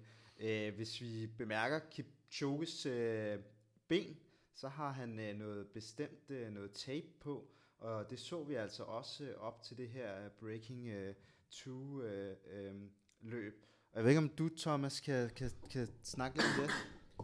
Øh, det, som der er, er, er helt afgørende, det er sådan noget tape, hvor der er, er sat nogle øh, små sådan art trekanter på, som, øh, som, som giver en aerodynamisk fordel. Og det, som man skal huske på, det er, en ting er, er hvad øh, du har på sådan af, af aerodynamisk på overkroppen, men dine ben, de bevæger sig jo altså væsentligt hurtigere, især dine underben, øh, når det er, du løber. Øhm, og det er blandt andet noget af det, der er forklaringen, eller har været forsøgt angivet som forklaring på, at øh, især afrikanske løbere er, er hurtige, det er, at deres underben er lette. Og her der har man altså fra Nikes side forsøgt at optimere den måde, som deres underben kommer igennem øh, hvad hedder det, luften, fordi det er bare den del af kroppen, der bevæger sig aller, aller, aller mest under et, øh, et maraton. Så det er, det er det, vi kan se, om, om måske er det med til at give ham en lille fordel. Det kan være, at det også øh, bare er psykologisk, men, men absolut har de øh, forsøgt at, øh, og, øh, og optimere det her. Og jeg tror også, vi har snakket meget om, øh, om hår på benene med, med mange maratonløbere, og det er, det er lidt et tabu, fordi vi er ikke cykelryttere, øh, men øh, det betyder absolut øh, noget, det er jeg ikke i tvivl om. Kan det måske også den her snak om aerodynamik, altså er- det derfor, at, øh, at Kipchoge han løber i, øh, i tights og ikke i, øh, i split shorts? Altså har de, de bevæger sig om lige omkring 21 øh, kilometer i, i, i timen øh, på nogle af de stræk her i løbet af sådan en maraton. Altså har, har, har aerodynamikken, øh, har den så meget at sige? Jeg tror, der har øh, en, en lille smule øh, øh, effekt, og jeg tror også, det er noget... Jeg tror ikke, det er Kipchoge, der selv har fundet ud af, at nu skal jeg løbe i de her tights. Jeg tror simpelthen, det er Nike, der har sagt til ham, prøv at høre, hvis du gerne øh, vil performe så tæt på 100% som muligt, hvis ikke på 100%, så er det altså bedst for dig, du, du løber i de her, de her tights. Og når vi kigger på, hvordan vejret har udviklet sig, altså en kæmpe fordel for ham, han også løber i tights. Dem, der løber i shorts, altså det er sådan øh, vanvittigt irriterende at have sådan nogle shorts, der er helt våde, der bare ligger klister øh, til en slår. Så på den måde har han jo også været, været heldig øh, og, og forudseende. Øh, så, så, så, så, så ja, øh, det, har en, det har en effekt. Man kan se, at øh, værmæssigt er det blevet, øh, at luftfugtigheden gået en lille smule ned, øh, og det kan jo være øh, en, en fordel øh, på de sidste kilometer, de ikke bliver øh, helt lige så hårde. Øh, temperaturen er stadigvæk om, om, omkring de her 15 grader, som, som de også har startet ud på. Øh, det ville nok ikke gøre noget, hvis det var, det var, øh, var, var øh, omkring de 14-15 grader, når de også kom i mål. Det skal helst ikke være for meget varmere i hvert fald.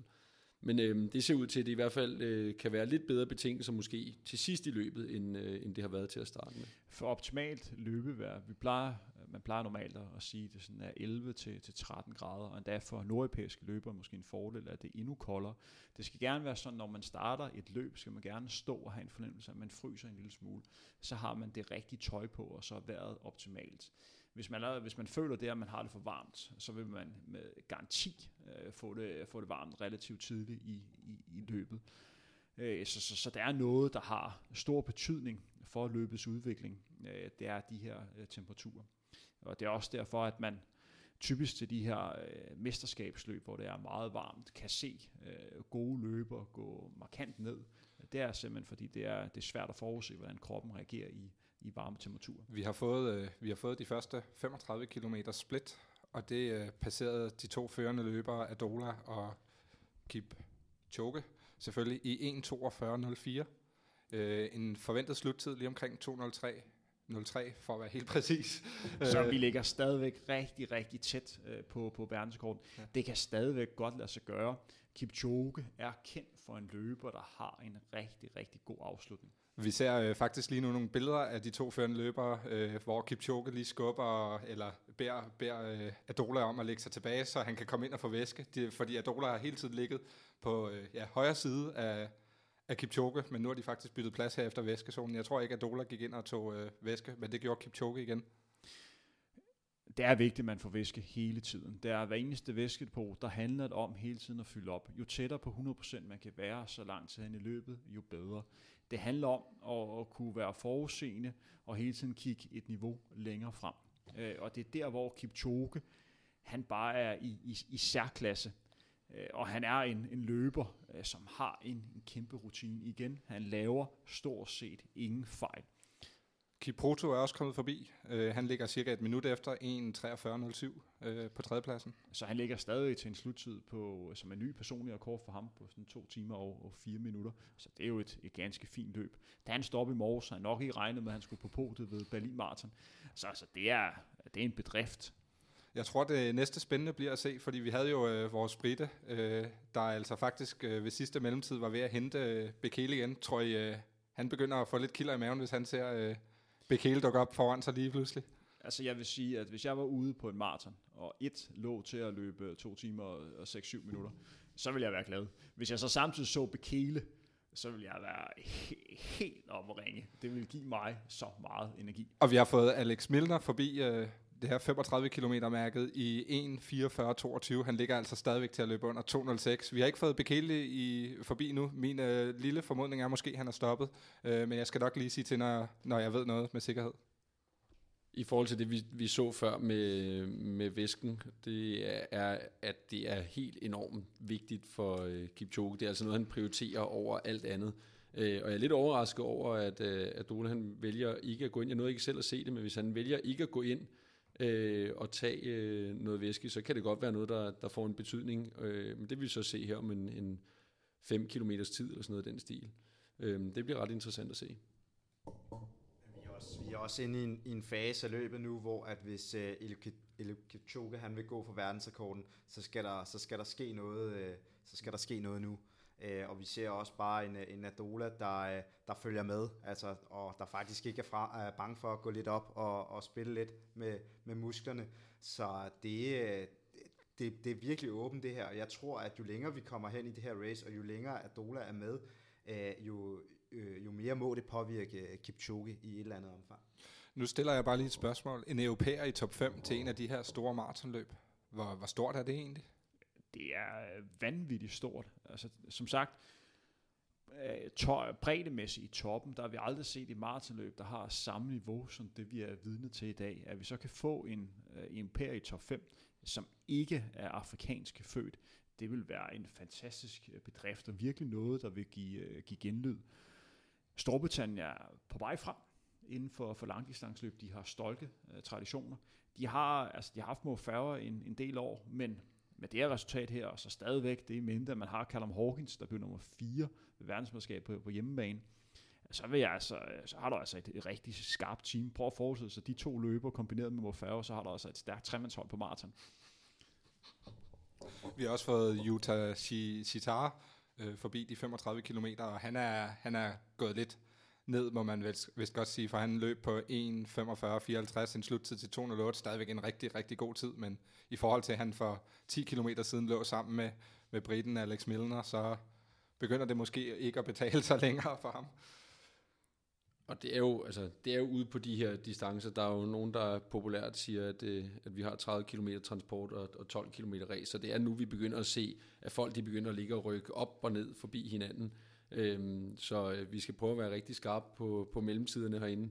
Øhm, lige nu øh, ser det øh, rigtig, rigtig interessant ud i, øh, i ledergruppen, især fordi vi har haft Adola op og ligge og trække foran øh, Kipchoge i, øh, i noget tid. Det, det viser måske, at øh, jeg ved ikke i hvor høj grad, jeg ved ikke hvad I tænker om øh, Kipchoge, han har meget, meget fokus på at vinde, og måske i mindre grad op i hovedet tænker på den her verdensrekord øh, efterhånden.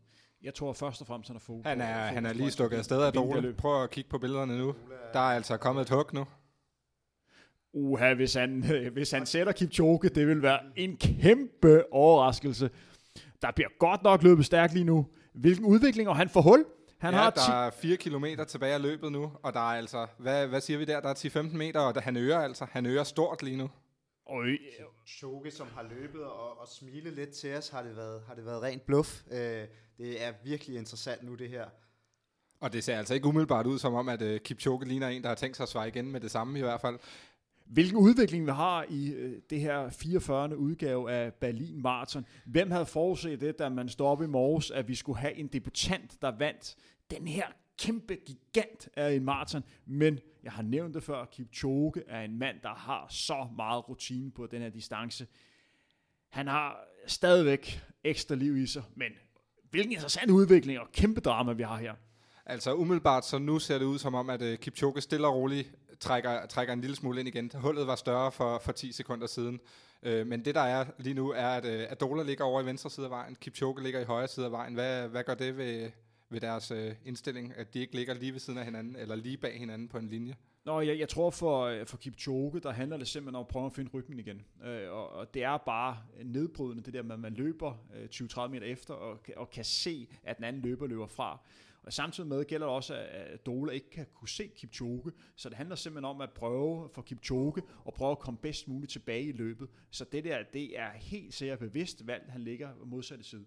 Og i øvrigt så kan man også lægge mærke til, at Kipchoge han valgte altså at løbe videre på de blå striber, og det er den hurtigste vej igennem øh, ruten, så et eller andet sted, der holder han stadigvæk øh, hovedet koldt på den måde, at han skal i hvert fald ikke løbe nogle ekstra meter, øh, så han, øh, den, den side af vejen, som øh, Kipchoge han løber i, det er altså her, hvor der, vi ser de, de blå striber. Og en ting, der også skal få indflydelse her, det er, øh, vi snakker væsket på 35, hvor Kipchoge, Absolut. han tog væske. Det gjorde Adola ikke. Det kan godt få indflydelse nu, når løbet virkelig har udviklet sig. Altså, det kan godt ske, at Adola lige pludselig begynder at få en krise, fordi han simpelthen mangler energi.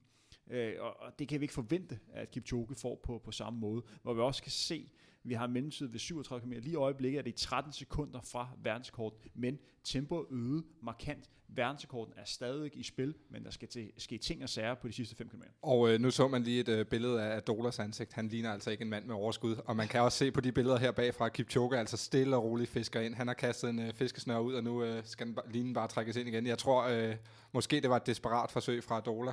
Jeg tror, at, at Dola, som vi også snakker om, altså det er en debutant. Han har alt i hele verden at vinde. Der er ikke nogen, der forventer det her af ham.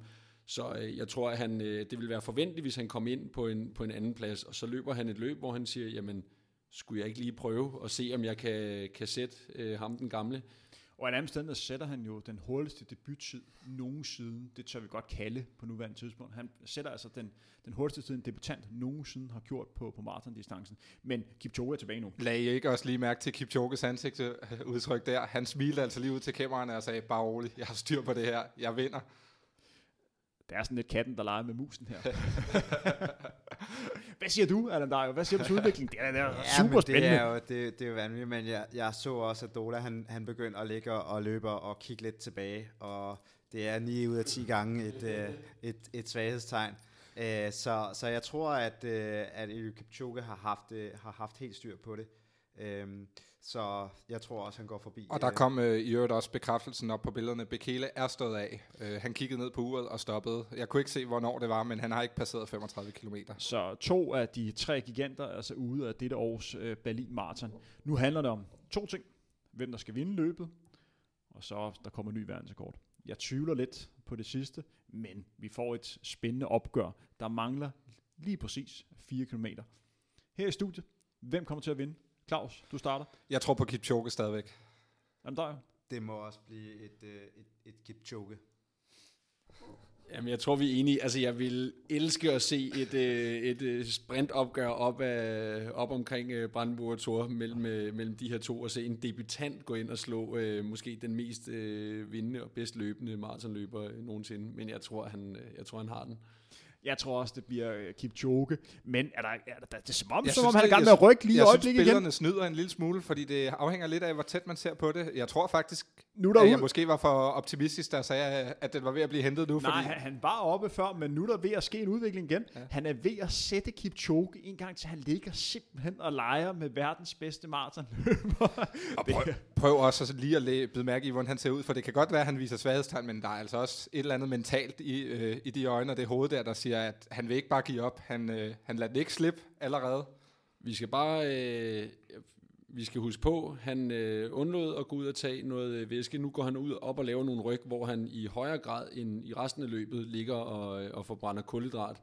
Øh, jeg vil ikke være overrasket øh, over, at han ved, ved 40 km mærke eller noget af den stil simpelthen kommer til at sætte tempoet ned, fordi den ikke kan holde fast på det. Vi så det samme sidste år, hvor Kipsang også øh, lå og rykke øh, en del gange, og faktisk øh, indtil 40 km havde et pænt hul ned til Bekele. Bekele, han løb meget afslappet, sørger for hele tiden at få sit væske, og så kom man bare med kontrahugget øh, og, og, og vandt øh, meget overbevisende. Ja, det er virkelig, altså, det er virkelig, øh, det er virkelig spændende nu, og, og Adola har ligesom øh, har, har genoplevet øh, sig selv. Øh, det, det her, det er jo fuldstændig vanvittige øh, billeder, vi har nede fra Berlin. Øh, skal det endnu en gang også øh, ikke lykkes Nike at få sat den her verdensrekord? Nu kommer der en, øh, en Adidas øh, løber fuldstændig unknown ind, og ligger altså bare og, og smadrer igennem nu. Og hvem, hvem altså, Øh, giver det ham noget adrenalin, det her? Giver det ham et, øh, et kick? Altså, kan han, kan han præstere over evne ved at, at det ligge giver her nu? ham et kick. Han er flyvende ham her. Han, det her det er hans livsdag, men som sagt, han er by nummer tre ved verdensmesterskabet øh, i, på halvmarathon, så det er en løber, der godt øh, kan løbe stærkt. Han har løbet lidt over 59 minutter, men jeg har nok ikke forventet, at han skulle ligge og kæmpe om, om sejren med Kipchoge ved øh, Berlin Marathon, men han rammer dagen på det helt rigtige tidspunkt. Og han har det sjovt derude. Det er jo fantastisk at se en, øh, en ung mand, okay, 27 år, forholdsvis ung i løbeverdenen, øh, der har det så sjovt med at prøve at se det en, og nu er de faktisk nået så stort et øh, forspring, at de bliver nødt til at have to kameraer på løberne. Øh, og der er, hvad er der tilbage? Små 3 km Øh, under 10 minutters løb må man øh, gå ud fra. Øh, jeg har også øh, en lille smule bonusinfo, fordi vi har jo snakket meget om de europæiske og tyske, og vi snakkede om Philip Flieger, han har stået af også. Ja, vi kunne godt fornemme, at han havde lidt, øh, han havde lidt krise der efter 35 km. Det er jo ærgerligt øh, for Philip. Det er jo en stor dag for ham at løbe på hjemmebane i, i Berlin. Øh, jeg har fulgt lidt med i hans øh, løb på de sociale medier, og han, har, han vil gerne have løbet stærkt i dag, så det er jo selvfølgelig ærgerligt for ham. Men sådan er det på, på, på maratondistancen. Når man kommer ud over 30, så kan der gå mange ting galt, og det, det skete desværre i dag for, for Philip, ligesom det gjorde for, for Kipsang og Bekele. Men lad os holde fokus på det her. Det her det er en af de mest interessante opgør, vi har set meget, meget længe på maratondistancen. Vi har Adola, der stadigvæk ligger og fører. Vi nærmer os 40 km markering, og vi har Kipchoge 30-40 meter efterfølgende.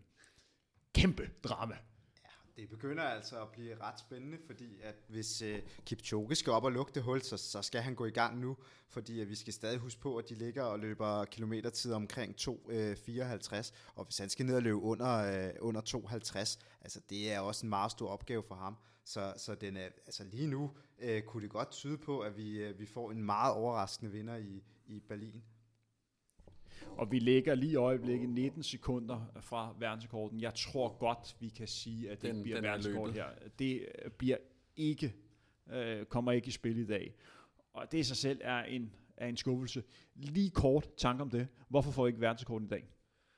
Øh, jamen, jeg tror, at, øh, at, at løbets udvikling, øh, vejret spiller ind, øh, og, øh, og, og især at det, at der, der er to, øh, Bekele falder så tidligt fra, som man gør. Man har jo håbet på, at de her tre kunne ligge og udfordre hinanden. Det vi i stedet for har set er, at der er en underdog, der har kunnet flyve fuldstændig ind under radaren øh, og gå op og stjæle fokus øh, fuldstændig. En, som Kipchoge nok overhovedet ikke har forberedt sig mentalt på at skulle Og lige mod. i det her øjeblik, der går Kipchoge altså forbi Adola.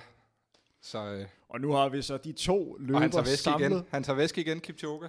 her ved, ved 40 km øh, markering. Uha, det her det bliver rigtig, rigtig spændende. Der er nogen, der kan over, øh, hvad hedder det, undre sig over, at Kipchoge han går ud og tager noget øh, som helst væske øh, og noget energi ved øh, altså så få minutter før man kommer i mål. Og det handler sådan set om at blive ved med at sørge for, at, øh, at kroppen den, øh, den er holdt i gang. Og det der sker er, at når du, når du tager en, en smule sukker, øh, så bliver der frisat øh, hvad hedder det, sukker i blodet fra kroppen. Så det er en rigtig god idé, det han gør.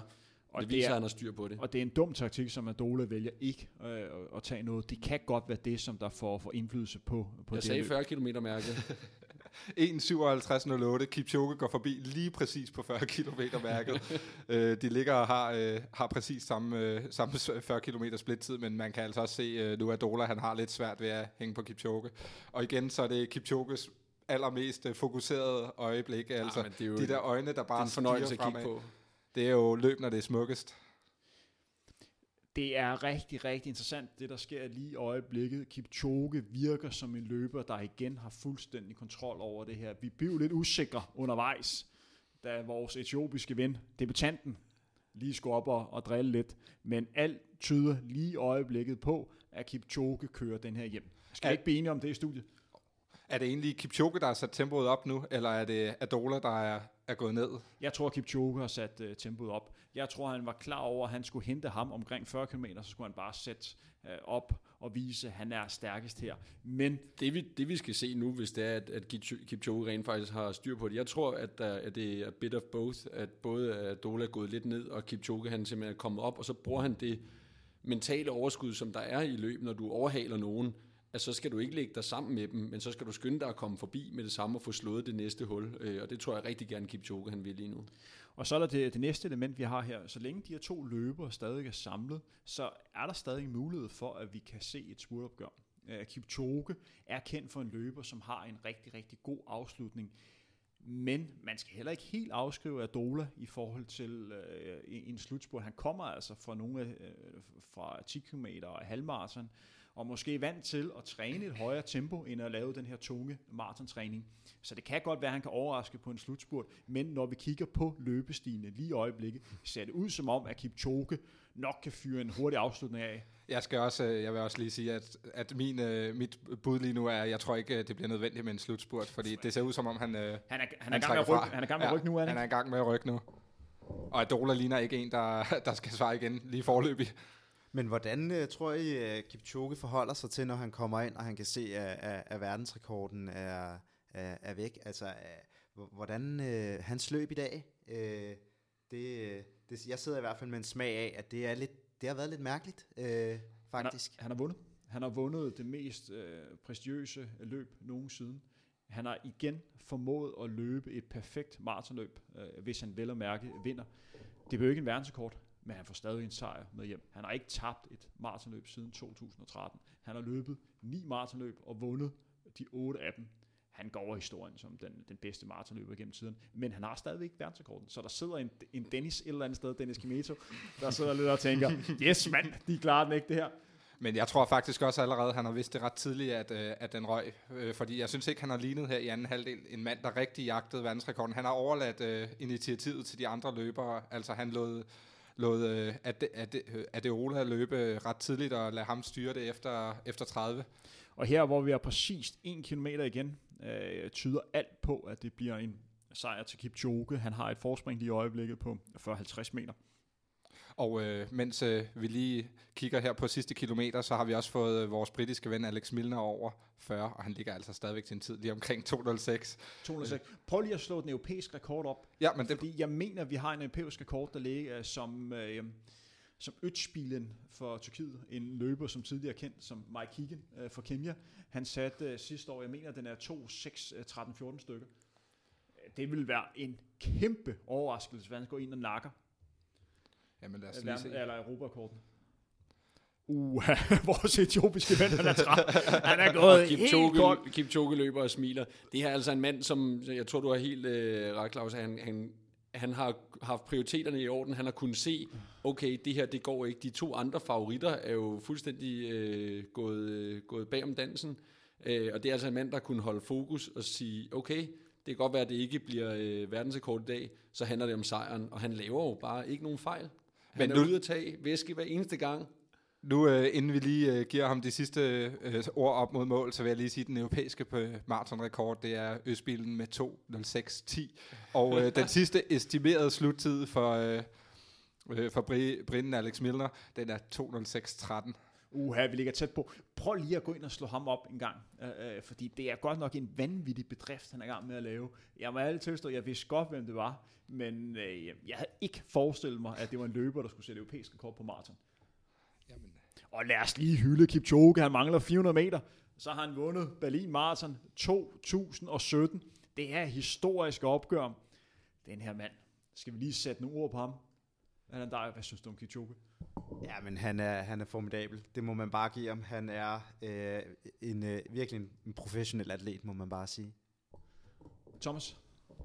Jamen, der er, der er til synligheden ikke nogen øh, over, heller ikke nogen ved siden af. Øh, han løber et, et svært løb, som det bliver i dag, og han gør det jo fuldstændig øh, lejende let. Øh, det er imponerende. Og lige i øjeblikket har vi en tid, der er 2 timer, 2 minutter og 54 sekunder. Han er inde på de sidste, hvad, 180 meter. Så vi ender på hvad? 203-20. Han ligger og kigger sig tilbage. Han har det her løb lige nu i fuldstændig kontrol. Og vinder dermed sin anden sejr i Berlin. Han har som sagt også blevet nummer to her tilbage i 2013. Den her gang med indersålerne inde i sine sko. Ja, øh, han, han forbedrer sig gang på gang. Og skal vi lige spike ham i mål. Elie Pichoke på vej ind over stregen. Han vinder den her års udgave, det 44. udgave af Berlin Marathon. Sluttiden bliver 2 timer, 3 minutter og 32 sekunder. Hvilken sejr til Kipchoge. Han har løbet 9 maratonløber. Det her er altså sin 8. sejr. Han er ubesejret de sidste 4 år. Denne her løber er nok historiens bedste maratonløber. 203-47 til Adola. Han mangler kun én ting, og det er verdensrekorden. Spørgsmålet er, hvornår den kommer. Han har helt sikkert niveauet til det, men det var ikke i dag. Adola, som sagt, fik vi ind i 2-3-47. Det, vi skal have fokus på nu, det er vores spritte. Får vi en europæisk rekord af en mand, der, og hold nu fast, øh, hold fast på jeres øh, ben, fordi vi hører hans personlige rekord inden dagens løb. Kom med det. 2.03, øh, 2.23.17. 2-23-17. Og forbedrer den med, med 17 sekunder. Hvad har, ja, han, 17 hvad har en personrekord på andre distancer? Han har løbet 67-41 på halvmarathon. Det er et lang, langsommere split, jo nærmest, end, øh, end han gør i dag. Øh, Det- det på, er- på 3.000 meter 8.23. Det er jo slet ikke i nærheden af hans, øh, af hans maraton i dag. Nej, men det, det, er godt nok, det er godt nok vildt. Vi skal lige være sikre på, at øh, fordi det lyder godt nok, øh, godt nok ekstremt. Altså, vi skal lige være sikre på, at der ikke er en eller anden, som løber hans nummer, fordi det er- virker næsten til at være godt til at være for sandt. Man kan lige sige, at øh, samtidig, at der er stadigvæk ved 35 km øh, tre kvinder, der ligger under 22. Så de øh, har Det- holdt godt ved. Det er højt niveau i kvindernes løb. Det, som sagt, det er sjældent, at vi får, øh, får løber under to timer. Og 20. øh, ved du hvad, jeg tror måske godt, du kan have ret i øh, den antagelse, at der er nogen, der har fået forkert chip på, fordi vi får netop de tre løbere, der ligger i gruppe sammen omkring 206 øh, forbi her. Det er altså tre sorte, og uden lige at være helt sikker, så, øh, så Alex Milde, det, siger, det siger mig ikke lige, slår mig ikke lige som et... Øh, Så det, du siger til os, det er, at Ja, det, vi har ja. siddet og hypet hele vejen igennem. Det, som du, tekniker Claus, din vigtigste opgave hele vejen igennem at holde styr på det, det kikser. Ja, men to sekunder. Nu prøver jeg lige at se, om jeg ikke kan få et billede af ham. Øh, af ham øh. Ja. Kan du lige komme med en undskyldning til vores lyttere? Nu skal jeg lige være helt sikker på, hvad der sker. Men jo, den kommer her. Jeg, øh, jeg har taget fejl. Vi har tre løbere, og en af dem har simpelthen fået et forkert, øh, fået forkert for chip på. chip på. Ja. Så vi har simpelthen ligget og hypet en europæisk kort. Der er en Alex Milner, som har fået så meget omtale hele vejen igennem. og han ligger måske og løber en maraton på hvad? 2 timer og 23 minutter. Ja, men det gør han jo nok. Det gør han. Jeg synes, vi, jeg synes, vi skal sende ham et link til det her, måske få nogen til at oversætte det, så han ja, kan... han, han vil elske det her. Ja, men det er jo fantastisk. Og så, det er jo det, der sker, når man laver live. Øh. Og ved du hvad, jeg vil sige det sådan her, at øh, de tyske medier tager også fejl, fordi han står lige nu som øh, tredjeplads, men jeg er ret sikker på, at der ikke står Milne på den trøje, der kom ind over. Øh, men lad os lige se på det. Øh. Ja, det er rigtigt, vi har Alex Milner ind. Øh, så ja, der må være, være fejl i det, fordi vi kan hurtigt blive enige om, at han er ikke Alex Milner. Endnu en gang er det en løber, som er falsk. Det har vi jo set før i Skandale. diverse danske løb. Men hvad, øh, hvad, hvad, hvad sidder I med fornemmelse? Har det her Breaking 2 øh, øh, projekt øh, været med til at tage lidt af, af, af glansen af det her løb på en eller anden måde? Vi får ikke en verdensrekord øh, langt fra faktisk. Øh. Hvad tænker I om det? Jeg synes, at vi havde et, et, et fantastisk løb. Jeg synes virkelig, at det var en, øh, en, en flot øh, præstation, Kipchoge havde, havde i dag. Og jeg kunne også godt lide øh, måden løbet udviklede sig på. Jeg kunne godt lide, at vi havde det her opgør øh, til sidst. Men det, der er ærgerligt, det er, at to af de tre løber ikke rammer dagen. Øh, vi mangler Kipsang, vi mangler Bekele, Kipchoge løb, øh, som vi kunne forvente. Øh, men når vi spoler tilbage, og al hype omkring det her løb øh, er glemt, og når man har glemt, hvordan øh, løbet udviklede sig til sidst, og hvordan vejret har været, så vil man have fokus på, hvad vindertiden var. Så om tre år, der vil man tænke tilbage nok på maraton 2017 i Berlin, om at det her, det var nok ja, øh, en skuffelse, og ikke så hurtig vindertid. For det er en af de dårligere vindertid, øh, vi har haft i Berlin i, i flere år. Altså, jeg, jeg er øh, helt enig i det, som jeg synes, det var igen øh, lidt det samme, som, som jeg også nævnte tidligere, at, at det har været med til at skærpe profilerne, og, øh, og har, har sat det her op mod, at det er, altså, det er nogle atleter, der kæmper mod hinanden, og man, man får lidt mere at vide om, hvem de er. Og det synes jeg, maratonsporten har rigtig godt af. Øhm, og øh, i forhold til, til løbet, synes jeg, det var eminent. Det var dramatisk øh, til de sidste kilometer. Øhm, og øh, det, øh, det, det, har, det har vi været glade for, men, men jeg tror, det er, det er rigtigt, at der, er nok, der sidder nok mange mennesker ude i den brede befolkning, som tænker, hvorfor løber de ikke øh, to timer og et minut? Øh, og det er jo øh, i høj grad, tror jeg, på grund af vejret i dag. Og, og tysk tv Øh, har fokus lige i øjeblikket på Philip Flieger, som man kan se i billedet.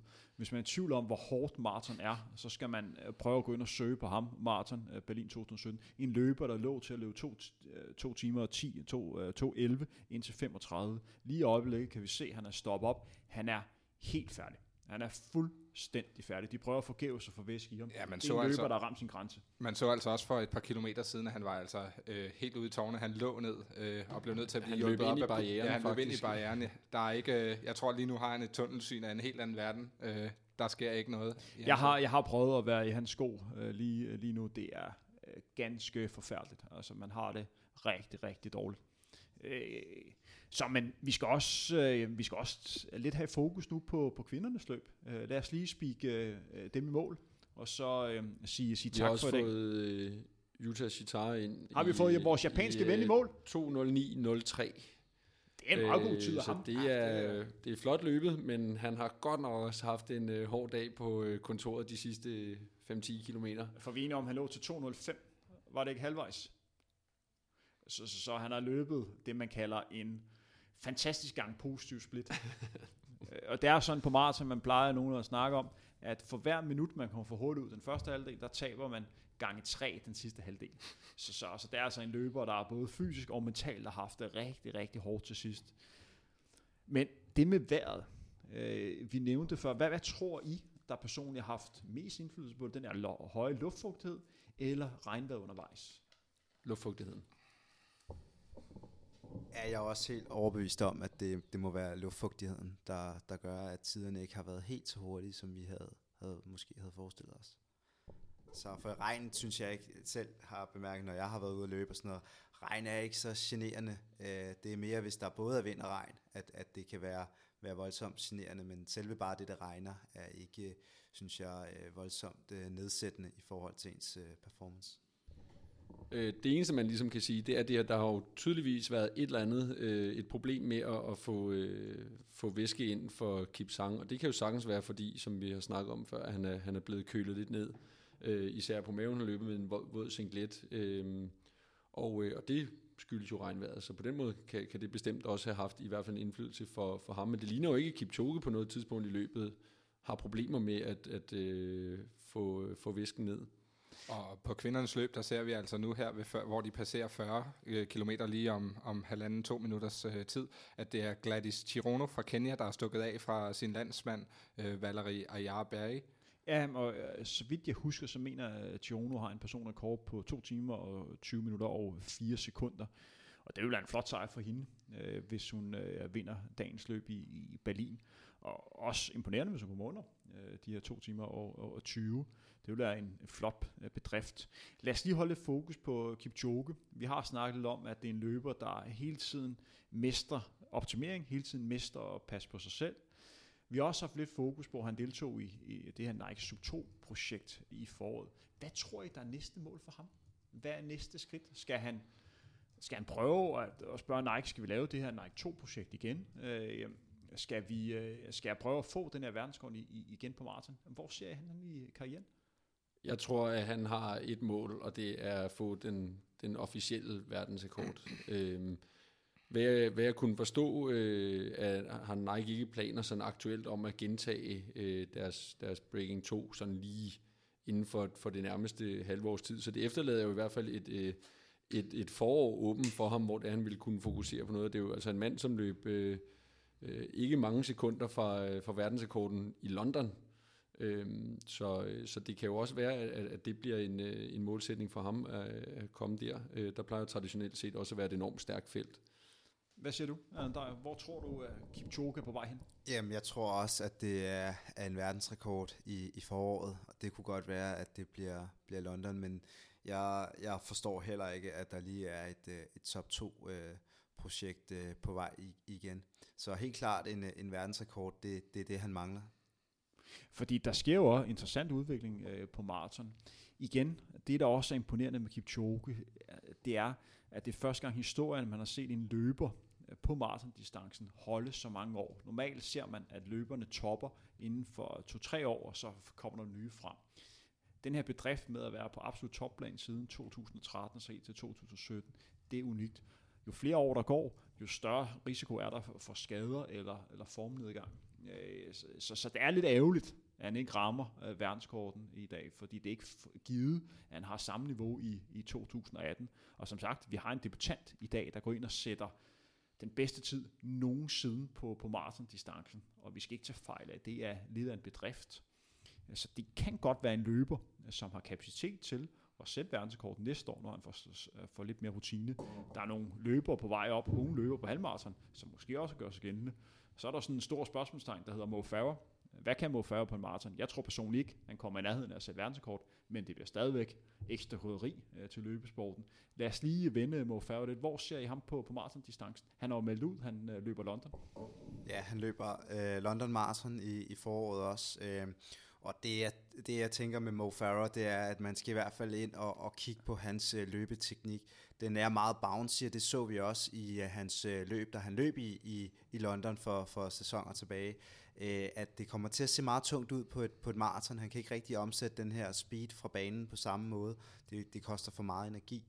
Når det er sagt, så, så er han også 34 år, så det er jo ikke fordi, han, øh, han har oceaner tid til at udvikle sig på maraton, hvis han vil op og gøre sig gældende i, i toppen.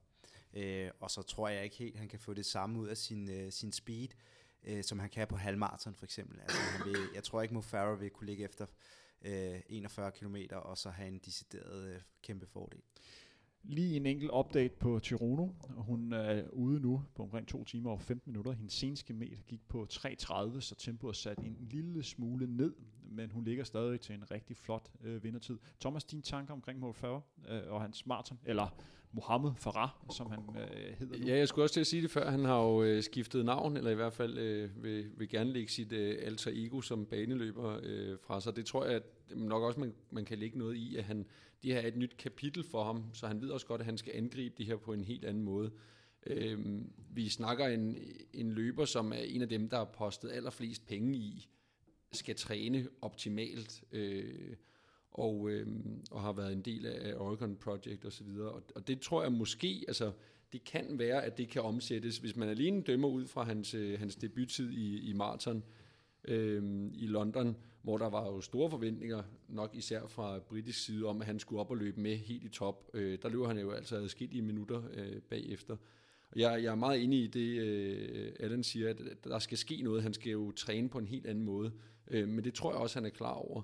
Så øh, jeg tror heller ikke, han kommer helt ned øh, og, og, øh, og kan præstere det, som vi har siddet og set i dag. Jeg tror slet ikke, han kommer til at kunne øh, røre for eksempel Kipchoges bedrifter.